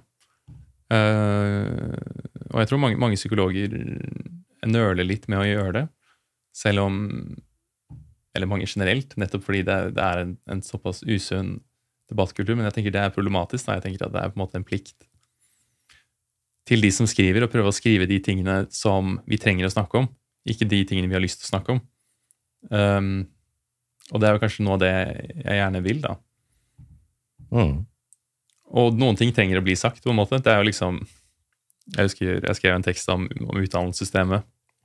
Og jeg skrev 'Keiseren har jo ikke utdannelse', Mm. som jeg syntes var litt morsomt, siden jeg henviser til liksom at vi har hatt en utresning av høyere utdannelse som gjør at betydningen av en bachelorgrad har jo gått enorm inflasjon i. Mm. Hvis alle har en bachelorgrad, så har jo på en måte ingen det, og kvaliteten synker osv. Og, så videre. Ja. Og jeg tror den aforismen da med liksom keiserens nye klær sier ganske mye om oss mennesker, fordi vi har en tendens til å skape oss liksom konforme strukturer og, og på en måte enigheter som gjør Eller menigheter, holdt jeg på å si. Mm. Som gjør at vi kan, vi kan tro på helt ville ting, på en måte. Og, og så trenger man noen ganger noen som bare sier sånn Ja, men keiseren har jo faktisk ikke klær. Mm. Noen sier det, og så når, med en gang vi sier det, så er det liksom tredd inn i vår liksom, offentlige bevissthet, og da kan vi plutselig snakke om det. Um, og det var litt det jeg håpet på å gjøre med også denne kronikken. Da, jo på en måte eh, Bare putte noen ting ut der og, og, og starte en debatt. Og jeg har jo ingen ideer om at jeg har helt rett i alt, på en måte. Det var jo mer for, for å mm, påpeke noe. Sånn her har vi den trenden, ikke sant? Og, og det kan bli et demokratisk problem eh, hvis vi, liksom, i relasjon til de politiske strømningene vi ser. Og at det er noe vi må forholde oss til. da. Og min påstand var at det er relatert til eh, maskuline egenskaper. da. Eh, og bare, jeg, jeg, prøvde ikke egentlig å si noe sånn fra eller til, da, mer bare deskriptivt påpeke sånn Sånn er det. Hva skal vi gjøre med det? Jeg, jeg vet, jeg vet Mm. ikke hva vi skal gjøre med det, egentlig. Hadde du på en måte en motivasjon for å skrive den? Følte du det litt sånn på vegne av menn, type at noen må stå opp for menn, type, litt sånn type tankegang? At det er så mange menn som dør av selvmord og som meningsløshet og finner seg selv ubrukelig? Var det en litt sånn følelse av det også i det du skrev? For så vidt, for så vidt. Og jeg tror jeg tror jeg kanskje kan forstå det mer. Jeg skrev jo også en annen tekst om, om uh, arbeider, arbeiderbevegelsen uh, og faren min, som er jo arbeiderklasse. Mm. Jobbet i Posten, og han har ødelagt skulderen sin. Uh, han er, han er innvandrer fra Marokko, um, som jeg tror gjør at jeg har et litt unikt perspektiv på det. Fordi jeg, jeg har jo blitt godt utdannet selv, eh, og på en måte har innsikt i litt sånn akademikermiljø, men jeg har samtidig også innsikt i det, da, eh, som gjør at jeg kanskje kan se ting litt fra begge sider. eh, og innser veldig tydelig at det er en, en, en avgrunn der da, mellom de to. At vi trenger å bygge broer for å kunne skape gode demokratiske løsninger. Fordi nå ser vi at det er en tydelig velgerflukt fra Arbeiderpartiet, og da særlig menn med lavere utdannelse. Altså, den opprinnelige arbeiderbevegelsen var jo av liksom, arbeidsgutter på gulvet. Mens nå stemmer de jo Frp. Det er masse liksom, håndverkere osv. osv. Hvordan skjedde det, liksom? Hvorfor, hvorfor er det sånn? Og på en måte, hvorfor gjør ikke venstresiden mer for å beholde disse velgerne? da? Mm. det, det, det synes jeg er helt slående. Og det var noe av det jeg påpekte i den, der, den arbeiderteksten jeg skrev, som jeg egentlig syns var en bedre tekst, men den fikk ikke så mye lesninger. Um, kanskje sånn litt over 100 000 eller noe. Mm. Um, det ble ikke så mye storm rundt den, men da, da skrev jeg noe sånt som liksom, til liksom, nye venstresiden sånn, sånn Hvor i befolkningen er det du finner de mest utdaterte holdningene? liksom De mest konservative holdningene osv., de mest politisk ukorrekte holdningene, hvis ikke hos arbeiderklassen og innvandrere. Og så hvis venstresiden liksom skal være for disse, så er det jo litt dust at, at man snakker det sånn ned. da. Det, det er bare dårlig politikk, på en Mm. måte. Og det må man jo skjønne, at hvis du fortsetter med det, og ser ned på holdninger til folk, så kommer de ikke til å stemme på deg. Og, og hvem vinner da? Mm. Ja. Hva tror du gjorde at den teksten fikk mindre oppmerksomhet enn denne som du skrev nå, med menn og kvinner? Den var jo mer nyansert på mange måter. Um, og jeg tok for meg Den var litt mer abstrakt. Mens nå satte jeg liksom mer tydelige ord på kjønnsdimensjonen av problemstillingen, som jeg tror mange reagerte på. Hvor at jeg kom med påstanden at dette kan til dels skyldes at mannlige egenskaper er verdt mindre i vår økonomi i dag. Altså i forhold til hva man kan utrette, og hva man får igjen for det, osv. Som gjør det mer sensitivt, fordi da piller jeg borti liksom det, det narrativet om, om at, at, det bare er menn som liksom er så privilegerte i samfunnet osv. At det er liksom en sånn ensidig kategori som jeg syns er unyansert, fordi det er utvilsomt massevis av menn som har masse privilegier i samfunnet. ikke sant? Ingen bestrider det. Men så er det jo også mange menn som ikke er på toppen i det hele tatt. Og den andelen vokser. Eh, de, og det må vi forholde oss til. Det burde være en bekymringsverdig trend. Fordi hvis, vi, hvis du har på en måte alle disse arbeiderklassemennene som jobber i vår essensielle infrastruktur, og ikke har suksess på partnermarkedet, og blir sett ned på, så er det et spørsmål om tid, hvor lenge de gidder det. da, på en måte. Det, er- det er jo på en måte, det er jo ikke lurt. Um, og, og, og det er på en måte noe av det som jeg tenker venstresiden har gjort. Altså, som altså forflyttet makt til en litt sånn intellektuell prateklasse, da. Særlig som Mm. byfolk. Som, som bærer preg av en sånn borgerlig klasseforakt, på en eller annen måte. At, at man forakter arbeiderklassen. Og det er jo ikke lurt, på en måte. Og jeg tenker at det gir grobunn for radikale bevegelser, hvis vi ikke forholder oss til det. Um, og da bekymrer det meg så veldig når jeg ser litt sånn virkelighetsfjerne venstrevelgere. Og jeg, jeg er selv på venstresiden, men jeg bare jeg ser at når, når dere holder på sånn, så kommer ikke folk til å stemme på dere. Det, det, og det er ikke lurt på lang sikt. Kanskje det er en fellesnevner i de to artiklene du skrev òg, tenker jeg. Altså at det er en sånn forakt for det fysiske arbeidet. altså eh, Og det fysiske arbeidet, arbeiderklassen, er jo ofte tradisjonelt vært, vært menn. Mm. Og det er det jo fortsatt også, de som driver med det harde fysiske arbeidet. Hvis du kjører forbi med bilen din, og så ser du noen som legger asfalt og sånn. Det er bare menn, omtrent. Og ute på byggeplasser Jeg, jeg er selv fotograf og har vært på mange byggeplasser og tatt bilder. Det er bare menn jeg møter. Jeg har aldri møtt en kvinne noen gang, tror jeg. Mm. Eh, Det er bare menn. Fysisk hardt arbeid. Um, og hvis det er en forakt for de som er i arbeidsklassen og driver med fysisk hardt arbeid, så kan man jo da utlede at det er en forakt for det maskuline og menn også i det. Jo, ja, for så vidt. det er i hvert fall de egenskapene som har fått mindre Mm. eh, økonomisk verdi, da, på en måte, Mm. på grunn av, ja, på grunn av inflasjon. Vi trenger mindre av det, og vi har fått mer arbeidsinnvandring som gjør at eh, verdien av det går ned. Mm. Og da får man jo mindre igjen for det. Um, og det tenker jeg er en bekymringsverdig trend, da. Mm. Mm. Når kommer boka di ut? ja, si det. Jeg vet ikke. tenker dette her, altså, Hvis man bare ser på oppmerksomheten dette har fått, da, hvor du treffer en nerve at Jo, det har liksom vært en uke nå, og man har snakket om det, og den debatten har gått, men liksom, jeg tror at det er, man må gå dypere i dette, her, at dette fortjener å snakkes mer om. og jeg tror det er, eh, hadde vært på, plass, på sin plass da, med en bok om dette, og kanskje enda dypere gå inn i denne materien. Ja, ja, kanskje. Ja, det er jo gøy å skrive, men Mm. jeg får se. Nå får jeg litt lyst til å skrive om litt andre ting òg, da. Ja. Ikke, Det skjønner jeg.